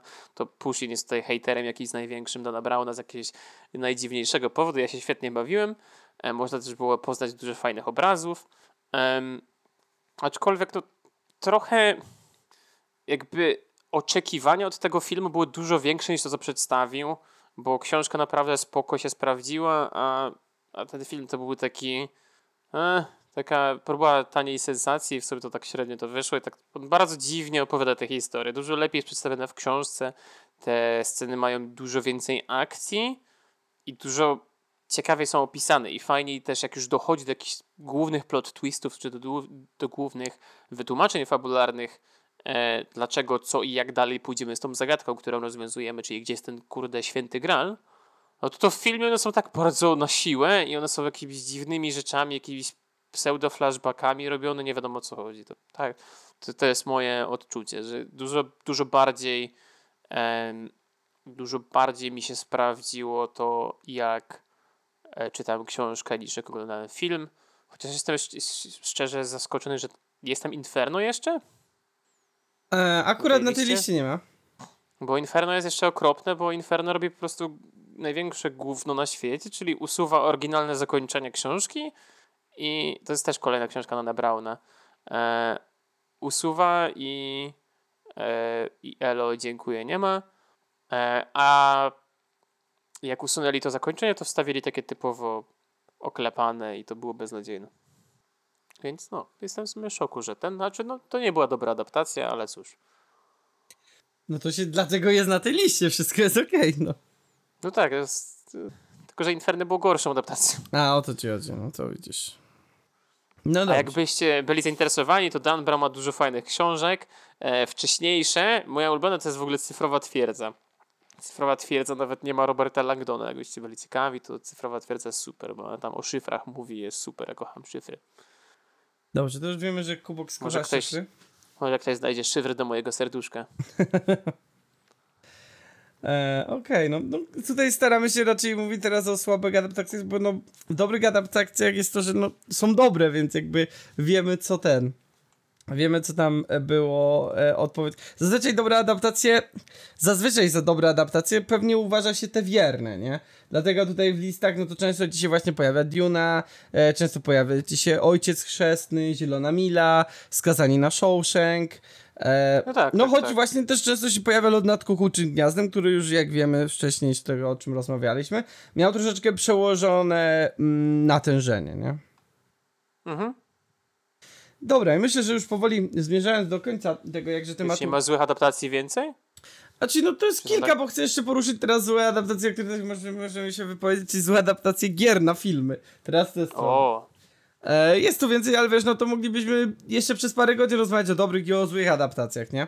E, z, poruszać wątki właśnie z Wiedźmina filmowego czy serialowego, a z drugiej strony, przepraszam, mm, z drugiej strony z jakichś tych, e, z jakichś takich dobrych znowu książek, nie wiem, choćby Ogniem i Mieczem na przykład. To jest bardzo dobra adaptacja jak dla mnie Sienkiewicza. nie widziałem. Ogniem i Mieczem nie widziałeś? Chłopiec, co ty tu jeszcze robisz? Czytałem. No to, ale trzeba też obejrzeć, no. Żeby wiedzieć. Nie, nie, E, chociaż czekaj, to jest w ogniem i mieczem? Nie pamiętam, czy to jest w ogniem i mieczem, czy w, czy w potopie jest. Spoil spoilery jest ogień i miecz. E, w której części jest koń wasz, e, kończ wasz wstydu oszczędź, bo ostatnio to jest nadużywane w złym kontekście, więc. A no tak, to racja akurat. Tylko nie pamiętam, A nie, w, pamię- nie w pamiętam, której też nie części to pamiętam jest. czym to Na jest. pewno nie w Panu Wodyjowskim, to nie. To było a, albo w Potopie, albo w Ogniem Mieczym, ale nie, nie przypomnę sobie teraz, bo mi te... Ja zazwyczaj to jakoś, ten to staram się obejrzeć e, jedno po drugim gdzieś, a że każdy z tego po trzy godziny trwa, to nie Nie oglądam widziałem tego zbyt krzyżaków. Krzyżaków widziałem. Te, też krzyżacy też są spoko, ale mi się bardziej podoba trylogia. Nie bawiłem się dobrze. Ale byłem dzieckiem i nie chciałem oglądać krzyżaków i nie chciałem czytać książki, bo książki się nie dało przeczytać. Jak się nie dało. E, A wtedy. No bo ja wtedy byłem, wiesz. On wtedy Dana Browna czytał, ja- wiecie wszystko. Ja, to też i byłem dzieckiem Minecrafta, nie? Ja nie chciałem czytać po staropolsku jakichś krzyżaków, kurna. A ja pamiętam, jak mnie rozwaliła po staropolsku napisana ta. E, o tej dziewczynce, co gąski pasła, kurde. Oj, oj. E, prr, Tam też były jakieś krasnoludki. Nieważne. Nie ale nie szło tego do, przeczytać. Nie szło, oj. przech, przech, Przechodząc do em, tych fajnych rzeczy growo, nie, w sensie nie fajnych rzeczy. No to mamy y, adaptację typu y, gościu chyba tutaj wypisał wszystkie jakie są. Czyli mamy tak, Tomb Raider. no, nie wiem, czy widziałeś tego Tomb No. Raidera. E, widziałem niecałego, bo odpuściłem. Ja myślę, że to kluczowe pytanie, y, pytanie, co jest napisane, że fabuła jest nudna, no z tym się zgodzę. No. To, to jest to, o czym my tutaj mówimy, że przenoszenie gier, to jest, gier na filmy, to jest chyba z najci- jedna z najcięższych adaptacji. E, Bo tutaj nie dość, że musisz poobcinać, tak samo jak z książki, to jeszcze nie masz, jeżeli przenosisz... Zależy, niekoniecznie musisz obcinać, bo taki Tomb Raider to jest. E, specjalnie powiedziałem po polsku. E, wiem, jak się to mówi normalnie. Raider? To- Tom, Tomb Raider. E, no, generalnie no musisz poobcinać, tak, ale jeżeli jest liniowa, to nie do końca musisz obcinać. No właśnie mówisz, że o ile jeszcze pół biedy jak gra ma linią fabułę, rzeczywiście jest grą fabularną mocno, nie? To wtedy starasz się przenieść fabułę, ale jak, y, nie wiem czy wiesz, też oczywiście jest na tej liście, jest adaptacja fabularna Far Cry'a. Którego? Jedynki. Czy O inaczej, ja- nazywa się Far Cry i nie ma nic wspólnego z żadnym z Far Cry'ów. Ha, okej. Za to, To y, jest uważana za jedną z najgorszych. Adaptacja Postala dwójki. A mi się nawet podobała. Jest po prostu taka głupia i abstrakcyjna. Idealnie pasuje do Postala. No to jak postal, no bo tak miało być, nie? E, Hitman, o tak. To, co oni zrobili w tym Hitmanie, mówię o tym starszym Hitmanie z 2007, bo było drugie podejście. Nie wiem, czy również złe, bo nie widziałem, ale wiem, że też złe. I nie wiem, dla mnie po prostu ten film miał za dużo scen walki. Jak dla mnie Hitman, to jest raczej, że po cichu robisz rzeczy. Oni tam zrobili po prostu takiego akcyjniaka i to tak średnio w ogóle cała ta fabuła była taka nie wiadomo o czym, szczerze mówiąc. Okej. I dla mnie hitem to powinien być właśnie, że nie wiem, jak dla mnie e, fajną e, choćby, chociaż to wyszło przed e, tym, e, przed e, Hitmanem, e, pod Bloodmany był kurde, e, Revel, nie, Resurrection, nie, to było nie, nie mogę sobie teraz tytułu przypomnieć. E, ten właśnie, ten bardziej fabularny. E, to była piąta Ja nie część. jestem graczem Hitmana. A, okej. E, Hitman... Przepraszam. Przepraszam, że zawiodłem.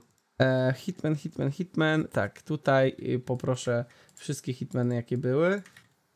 No mój ulubiony to chyba jak większość, chociaż teraz te nowe to ten, ale z klasycznych Hitmanów, no to mój ulubiony to oczywiście Krwawa Forsa, czyli Blood Money, czyli czwarta część, a mi chodziło o rozgrzeszenie, czyli piątą, czyli Absolution. E, no to on był właśnie taki bardziej fabularny, gdzie on tam już tam e, uciekał, ta organizacja go goniła, no bo co tego by się dało zrobić, fajny film, też miał tą dziewczynkę, którą musiał uratować, moim zdaniem właśnie rozgrzeszenie to jest idealny e, materiał na hitman, e, na film hitmanowy, gdzie właśnie to by był bardziej taki troszeczkę e, krym, no kryminał to nie, ale taki troszeczkę może nawet thriller, gdzie on tam, wiesz, bardziej takie skradanie, kombinowanie, mm, y, czy taki, choćby takie w stylu, nie wiem, jakiegoś Ocean Eleven, ale nie w sensie, że humorek i tak dalej, tylko wiesz, że bardziej planujemy akcję i później ją wykonujemy, e, tylko oczywiście bardziej z mordowaniem tego typu klimatami, a nie jest, że zrobili tam po prostu, że on się wbija, jakaś rozwałka, kurczę, prawie jak scena z Matrixa, jak tam w, z jedynki, jak wbijają tam w tym holu, tam tu jakieś rozwalają ściany, jakieś coś, takie, co? A halo, to nie o tym jest ta gra. Chyba nie, nie, nie, tak chyba nie Hitman, to się, się napier- tam się nie napierdziela taką. Później mamy Warcraft początek. E, ja ani w WoWa za wiele nie grałem, ani tego filmu nie Excuse me, oglądałem. co? E, ja się dobrze bawiłem na WoWie. Tak? A, do, dobra, dobra, dobra. No, WoW jest do śmieci, przypomniałem sobie dlaczego. No E, dlaczego? Okej, racja, racja. Wszystko- Było wszystko świetnie do momentu. E, generalnie fajne, ładne to było. Dobrze. Ja grałem w WoWa, więc jakby ja się mogę powiedzieć. Wszystko spoko, ale e, główny plot twist tego filmu jest niepoprawny. Więc jakby, znaczy efektywnie dzieje się to samo, ale teraz musimy spoilerować ostro. E, no, WoW był spoko, dobrze był zrobiony, mi się podobało. Ja się dobrze bawiłem, e, fajnie było, opowiada ta historia nawet ok, e, tylko główny plot twist, czyli Garona, która tam jest, no nie do końca było tak jak było. Em, no ale Czyli cóż, tu no to mamy finalny- pułapkę tego, że finalny- zmienili coś, co myśleli, że będzie lepiej Z- i, i się wywaliło. Zmieniali coś, nie wiem czy myśleli, że będzie lepiej, zmienili dosłownie e, główną rzecz fabularną, która się dzieje w tamtym momencie w tej części WoWa, bo to jest jakby e, sam początek wszystkiego, czyli jakby skąd się wzięła wojna między Hordą a Przymierzem i że tak naprawdę w Hordzie nie wszyscy są myśli, bo po prostu to się dzieje tak, że em, Gul'dan po prostu nadużywa magii spaczenia, a magia spaczenia ma to do siebie, że jak się jej używa, to wszystko wokół umiera, niszczy je i tak dalej. No i nagle Horda nie miała co jeść. E, Dosłownie, bo wszystko umarło wokół nich, więc potrzebowali nowego świata. Więc otwarli teleport i się tepnęli do Azeroth i, i, i psiema i najeżdżamy was ludzie. I ludzie mają takie, co się dzieje? I się napierdzielają z orkami. No, także to o tym opowiada ten film. No i to się dzieje normalnie w grze, ale jakby główny plot twist finalny jest zupełnie inny. Jakby jego efekt w teorii jest taki sam, no ale tak nie było. Ale film fajny. Ja obejrzałem go dwa razy i nawet się fajnie oglądało. Nie, ja się tak zabierałem, ale właśnie słyszałem, że tak średnio, a że też nie jestem Warcraftowcem, to mnie średnio... Za to film, na którym nie oglądałem go, bo usłyszałem i widziałem trailery i wiedziałem, że mi się nie spodoba, żałuję, bo jak usłyszałem, że będą robić film, to czekałem, czyli Assassin's, Assassin's Creed z 2016. Ja nie widziałem. No ja też Czy, nie co, widziałem. Go, gość po prostu wypisał wszystkie filmy na podstawie gier? No nie, nie wszystkie, nie, ale z tym się W zgodzę sensie, akurat. ja, bym chciał, ja bym chciał powiedzieć, że ja bym się nie do końca właśnie zgodził z tym, że WoW jest zły, po prostu jedyne co to tam jest plot twist jeden zły, ale generalnie film jest dobry. Tu jest, y, on tu napisał na przykład coś takiego, że e, akcja strasznie pędzi do przodu i nie daje ci w ogóle szansy na poznanie bohaterów, ani jakby zapoznanie się ze światem. Ja chciałem po- powiedzieć, że pamiętajcie, że jeżeli czytacie cokolwiek o czymkolwiek w internecie, szczególnie, że jest to stare retro, coś takiego, to w ogóle się nie słuchajcie, bo ludzie patrzą przez nostalgię Googles i to w ogóle nie ma sensu. Się, nikt nie patrzy obiektywnie, bo się nie da. E, To się przejechałem na tym, jak teraz się do Finala przykładałem i mówili, nie, nie, nie, nie możesz grać w remaster, bo przecież musisz grać oryginalnie na PS2 w ogóle. E, więc e, jakby nie słuchajcie, to się mija z celem. Więc No to ja- najważniejsze, ja- ja chciałem- wy się dobrze bawili. Ja Jak gość wypisał wszystkie filmy po prostu no nie po wszystkie, kolei, ale ja chciałem do Assassin's Creed'a, bo to rzeczywiście ma sens, nie?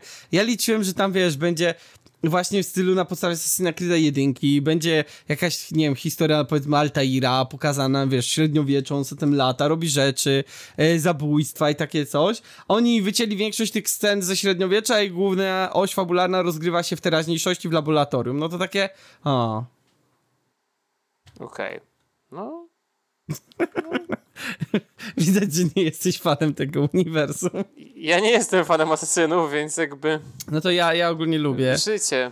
Później mamy tylko- Maxa Ja się, Payne'a. tylko, ja się tylko boję, że usłyszę jeden tytuł, którego nie chcę tu usłyszeć, bo ja byłem tak zajarany, jak na niego szedłem. Maxa Payne'a później tutaj mamy. Nie no, Max Payne to jakby, jeżeli ma się zły materiał źródłowy, no to jest zła adaptacja. Czemu Max Payne to jest dobra gra? Ciekawe powiedziałem to. Myślę, że się nie znasz, ale to już wszyscy wiemy. Nie, no po prostu to jest, nie Max O tak, Mortal. Kombat. Zobaczcie sobie O, tak. Mortal Kombat, jakie to jest złe. To jest tak złe, że aż chce się to oglądać. Mortal Kombat to jest tak źle zrobiona adaptacja. W ogóle jest- inna sprawa, z czego oni chcieli robić, jak oni tam robili na podstawie, potem, wiesz, to jest film, jedynka jest tam z Inny poziom 95 złego, no. chyba, czy jakoś tak i takie, o czym A to to jest? który Mortal Kombat? To jest nowy czy stary? Ten pierwszy, pierwszy. A, no to, to tak, to, to jest bardzo, bardzo dobry film, jakby jest to jeden z najlepszych filmów przez ludzkość produkowany przecież. Tak dla beczułki to się go świetnie ogląda, ale tak dla poważnie No. taki, o boj. Do, pi, do piwka, do piwka. Tak, sam później Blood, e, Blood Rain, o to też, też. Jakby, co to oni w ogóle zrobili w tym filmie? Jakby tam niewiele ma to w ogóle wspólnego z główną fabułą. Inna sprawa, że jakby Uwe Boll. Gdyby Uwe Boll nie istniał, to nie było połowy filmów na podstawie gier. A tak, to jest prawda, bo jak my byliśmy nawet na Papquizie, to było pytanie, że dali nam e, 10 filmów różnych i, i kazali wybrać 3 z nich, które są zrobione przez Uwe Bolta. I było wszystkie 10. Nie, nie, nie, na szczęście nie, no, ale no większość z nich była, w sensie tam był jakby margines błędu, że 6 z nich było, a E, Aż sobie możemy wpisać Uwe Boll, adaptacje gier.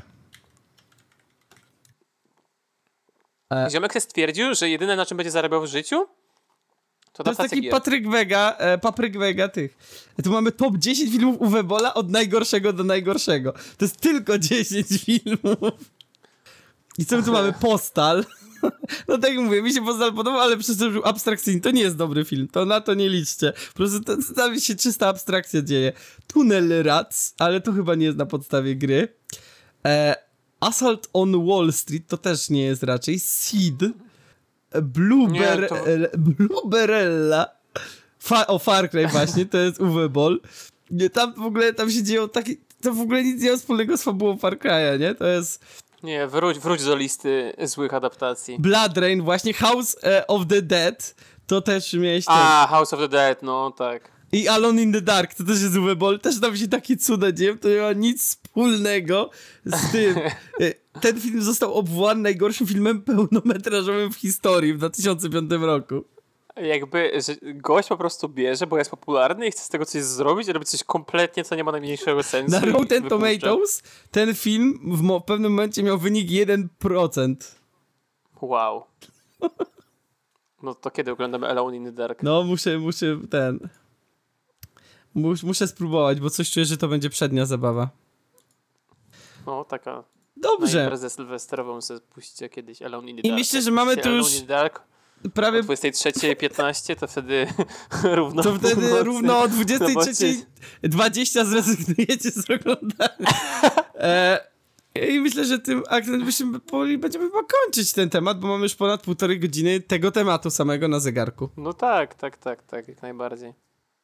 Także myślę, że podsumujmy sobie. Pamiętajcie, że adaptacja to nie znaczy, Ale że to... dobrze, nie było Prince of Persia, jest najważniejszy. Prince Piaski of Persia to jest dobra adaptacja. Ty- Piaski czasu było dobre, Powiem tak, jak dobre. pierwszy raz oglądałem ten film za dzieciaka, to mi się mega podobała. Później jak sobie to powtórzyłem, o boj, to nie był dobry film. To Czyli nie mam nie powtarzać, tak? był dobry. Czyli, czyli nie powtarzać filmu. Rozumiem. Zapisałem sobie, bo ja za dzieciaka byłem zajarany, bo ja jestem gigafanem Prince of Persia i to jest jedna z gier, która mnie wychowała jako gracza. I kurde, no Obstawiam, myślałem, że znając twój wiek, to raczej nie chodzi ci o oryginalne Prince of Persia. No Nie chodzi mi o Pri- Prince of Persia oryginalnie miałem, próbowałem i nie miałem przejść y, za dzieciaka, bo miałem na Nesie, znaczy na Nesie, wiadomo, wszyscy wiemy na czym miałem, na Pegasusie, Em, ale sobie kompletnie nie radziłem, nie wiedziałem o co chodzi, no i potem grałem w Piaski Czasu, byłem giga zajarany i, i to jest bardzo istotna dla mnie growo gra. No i potem grałem w Warrior Within i to mi w ogóle nie siadło, a potem grałem najwięcej w, e, w ten w to trzecie, jakkolwiek się nazywało. Nie tam, mam gdzie pojęcia. był- Ja myślę, że tyle możemy z, spuentować, że jak na razie chyba najlepszą adaptacją jaka jest grową, no to to jest The Last of Us, nie ma o czym gadać, no to jest... Nie no, Super Mario Bros. Dobra, to jakby Kubok żyje w swojej ułudzie, a prawdę zna, znają wszyscy. Super Mario Bros. jest najlepszą adaptacją grową, bo The Last of Us to jest serial. No, ale ja mówię o adaptacji adaptacji, nie? Też nie Czy- wiem, czy wiecie, były adaptacje, swego czasu to czytałem, jedną albo dwie książki, Assassin's Creed'a do książek. I to było nawet spoko. To była taka fajna adaptacja, A, bo są książki, no.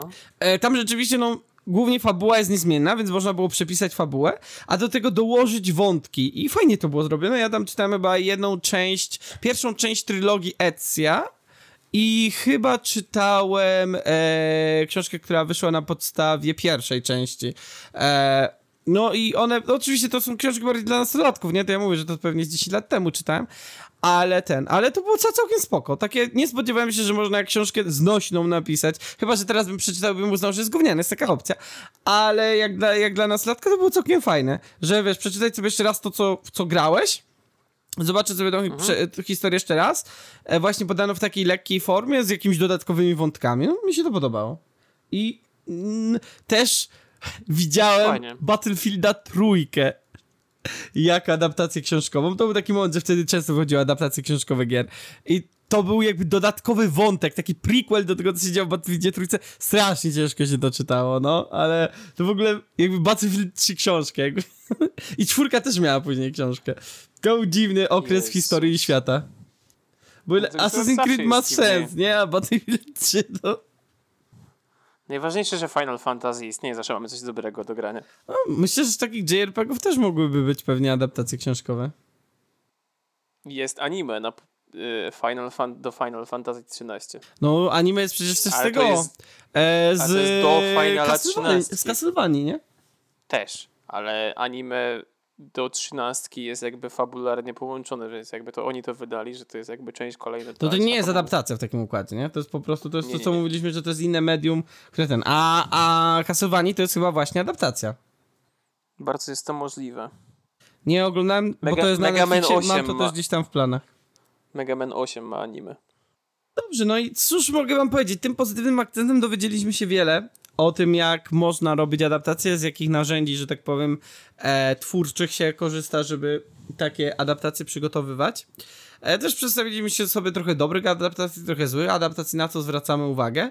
No i myślę, że można to podsumować, że jak zwykle okazało się, że jest to bardziej, że jest to głębszy temat i ciekawszy niż na początku mogło nam się zdawać. No, też mi się wydawało, w sensie jak, jak zaczęliśmy tę adaptację, potem mówię, o kurde, adaptacja to jest jednak więcej niż mi się wydawało, to miałem takie, o. I potem dyskutowaliśmy na temat em, gender swapów w filmach i miałem takie, kurde, tego się nie spodziewałem w tym temacie, więc jakby... No, to jest, to jest, to jest ciekawe. Mm, szczególnie, no tutaj pewnie e, też wyszło, że szczerze mówiąc, to był taki odcinek, że można było tak y, dużo poważniej się przygotować, w sensie z przykładami bardziej, nie? Ale nie wiedzieliśmy, że to, to wyeskaluje w, to, w tym Ja się nie, kierunku. tak, nie spodziewałem się, że to będzie takie duże, więc no, wybaczcie. Jakbym wiedział, to bym obejrzał wszystkie filmy Ube Bolta. Uwe Bolt. to ten znany taksówkarz. Specjalnie tak powiedziałem. I byłem ciekawy, czy załapiesz, co powiedziałem i załapałeś. E, dobrze, dobrze, że nie Hu Hussein Bolt.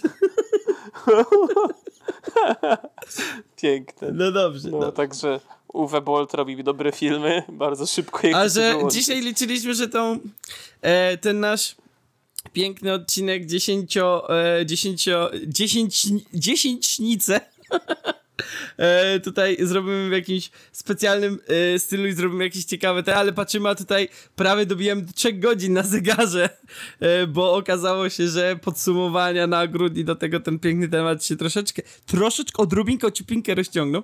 A, tak. Więc myślę, ten, że przejdziemy ten. sobie do, do polecajek, do, ran- do polecajek. Co ty na to, Kubox? No, ja wam mogę polecić Ball Collection, gdzie wszystkie filmy, macie cztery filmy Uwe Bolta. Tak, jasne, jasne. Jestem gotowy zawsze. Nigdy bardziej nie byłem gotowy. Uwaga, na to robimy. polecajki. Odpalam tur, tur, tur. Odpalam nasze piękne koło polecajkowe i... Tur, tur, tur, tur, tur, tur, tur, tur, tur, tur, tur, tur, tur, tur, tur, tur, tur, Zobaczycie, wyleci film Uwe, Uwe Bollu. tur, tur, tur. I mamy, uwaga, otwiera się film. Ale nie wiem, czy Uwe Bolta dociągniesz do tego, gdyż mamy to thriller. I proszę bardzo, No, Kubox. top 10 thrillerów by Uwe Boll. Em, film thriller. Ta. O mój Od Boże. razu ci mówię, że na Filmwebie na pierwszym miejscu jest 7. E, nie będę o tym mówił, co już mówiłem, bo to jest bez sensu. No to jakaś dobra polecajka. E, głupota, że to 7 jest tak wysoko. Em, no dobrze, to trzeba pomyśleć spokojnie. To wiesz, teraz jakby ja będę mówił jakieś rzeczy ze względu na to, że ja myślę w trakcie. No to ja mówiąc, też powiem, skoro Kubox i tak próbuje coś wepchnąć, jak ci goście w Stanach, co jak licytacje obsługują, to tak szybko mówią, mówią cokolwiek, żeby coś powiedzieć. Eee, nie, a ja wiem, co nie mówią, bo ostatnio oglądałem o tym film, o tym, co mówią i jak, wiecie, wiecie, że są szkoły dla tych licytatorów i oni chodzą do szkoły i się uczą i to są takie po prostu filler words, wordsy, które mówią i takim potem się rolują i oni się tam uczą rytmiki do tego i potem przyspieszają, przyspieszają, jest szkoła. coś to jest, to jest stan umysłu, dosłownie. e, no ja mam tyle thrillerów, które chciałbym polecieć, że nie wiem co zrobić, więc chyba wejdę sobie na jakieś IMDb albo coś. Odpalę jakie są najpopularniejsze, ale takie niezbyt popularne. I polecę zawsze zrobię przewał i polecę kilka, no bo jakbym wszystkie chciał polecić, to byśmy tu do jutra siedzieli. A jak to u ciebie wygląda? Ja myślę, co jest z thrillerem i co widziałem. No ja po prostu wpisałem thriller i wybieram sobie, nie? No tak, tylko że ty oglądasz jakieś topki. Jakby thrillerem jest Incepcja na przykład podobno, więc jakby No. po- obejrzyjcie Incepcję, fajne, fajne. Hmm. Chcę tak wyjechać z czymś takim z podlady, nie? Ja tylko, żebym chciał wiedzieć, jakie filmy widziałem w życiu, to by było prościej. A to nie jest takie proste, jakby wam się wydawało. Dobra, ja już kończę przeglądać top 100, więc zaraz wam coś polecę. Ja już, prze, już skończyłem top 100 i zrozumiałem, że widziałem tylko stąd dwa filmy, więc jak miałem takie... No to masz, idealnie, nie? Jedzie. Eee, no to dobra, to polecam wam coś, co już pewnie widzieliście wszyscy, czyli Incepcję.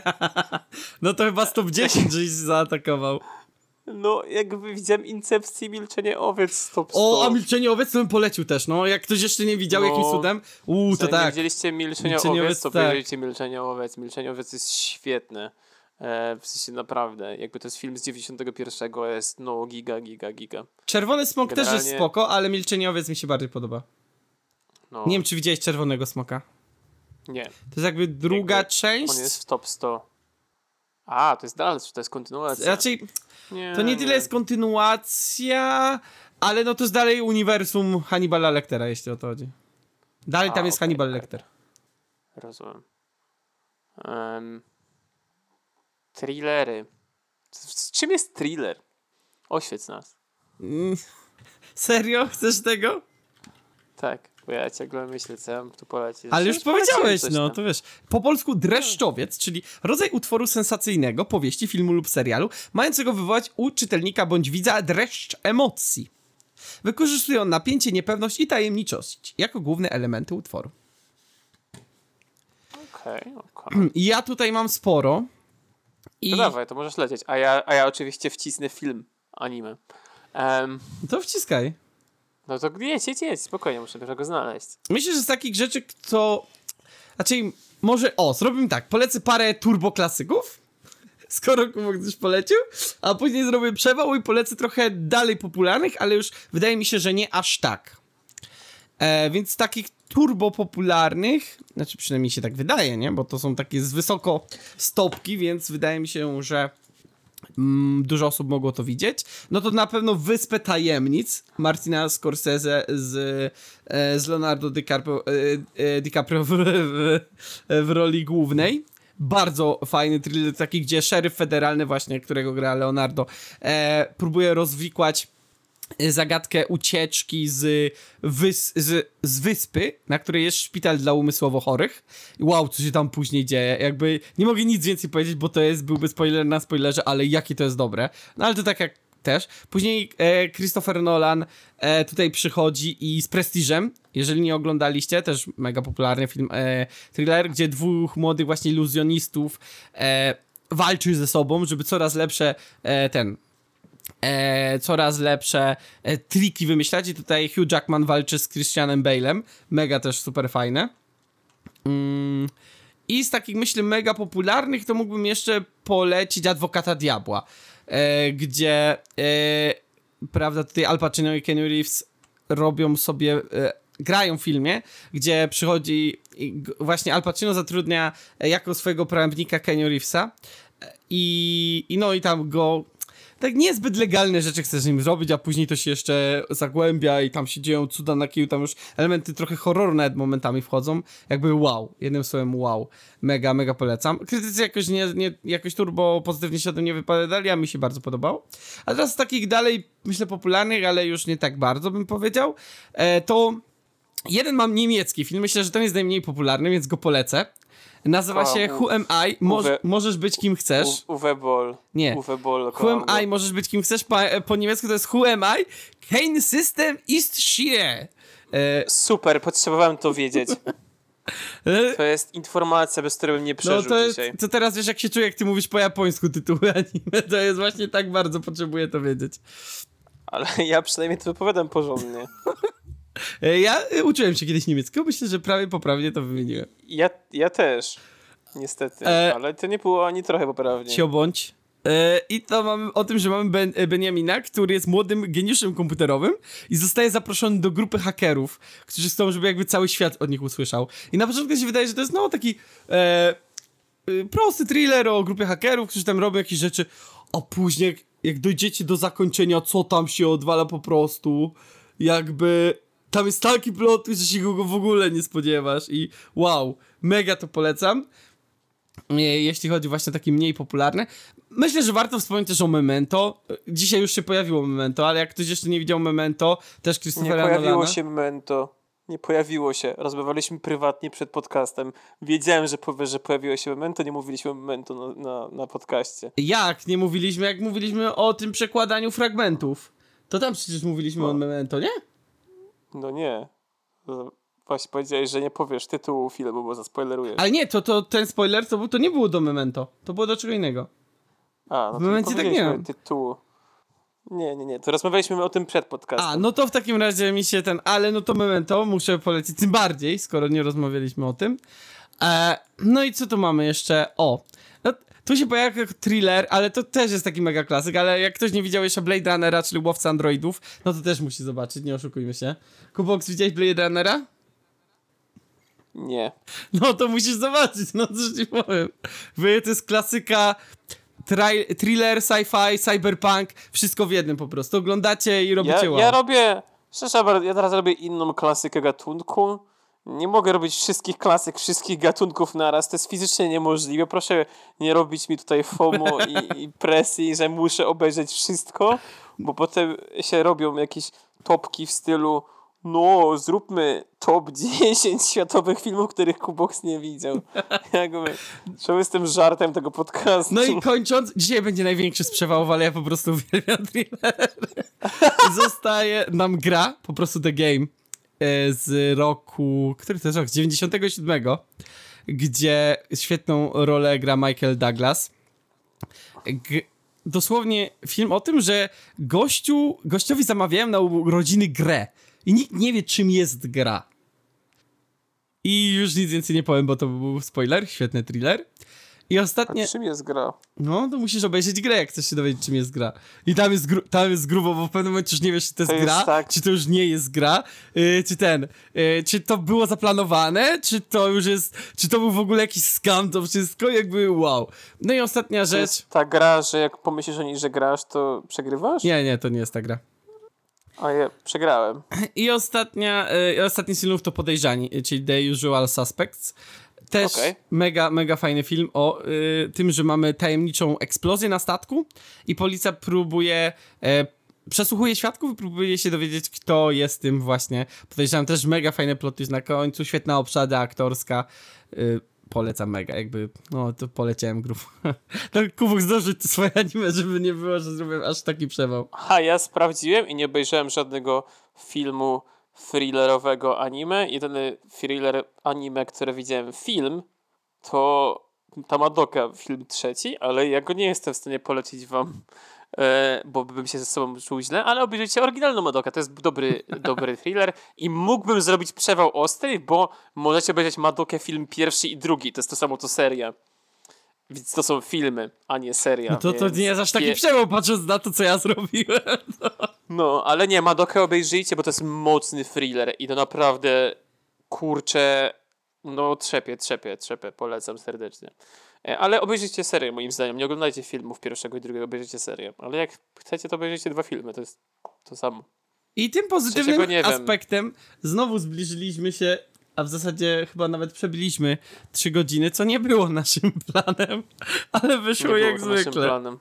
Także cóż wam możemy Jak- powiedzieć? Miejmy nadzieję, że to nie jest ostatnie 10 odcinków tego podcastu, że będą jeszcze, że będą jeszcze e, następne. Żeby było jeszcze, jeszcze 10, i jeszcze Dziękuję wam, 10, że jesteście. gorzko. Dziękuję wam, że jesteście z nami, że wytrzymujecie z nami tutaj.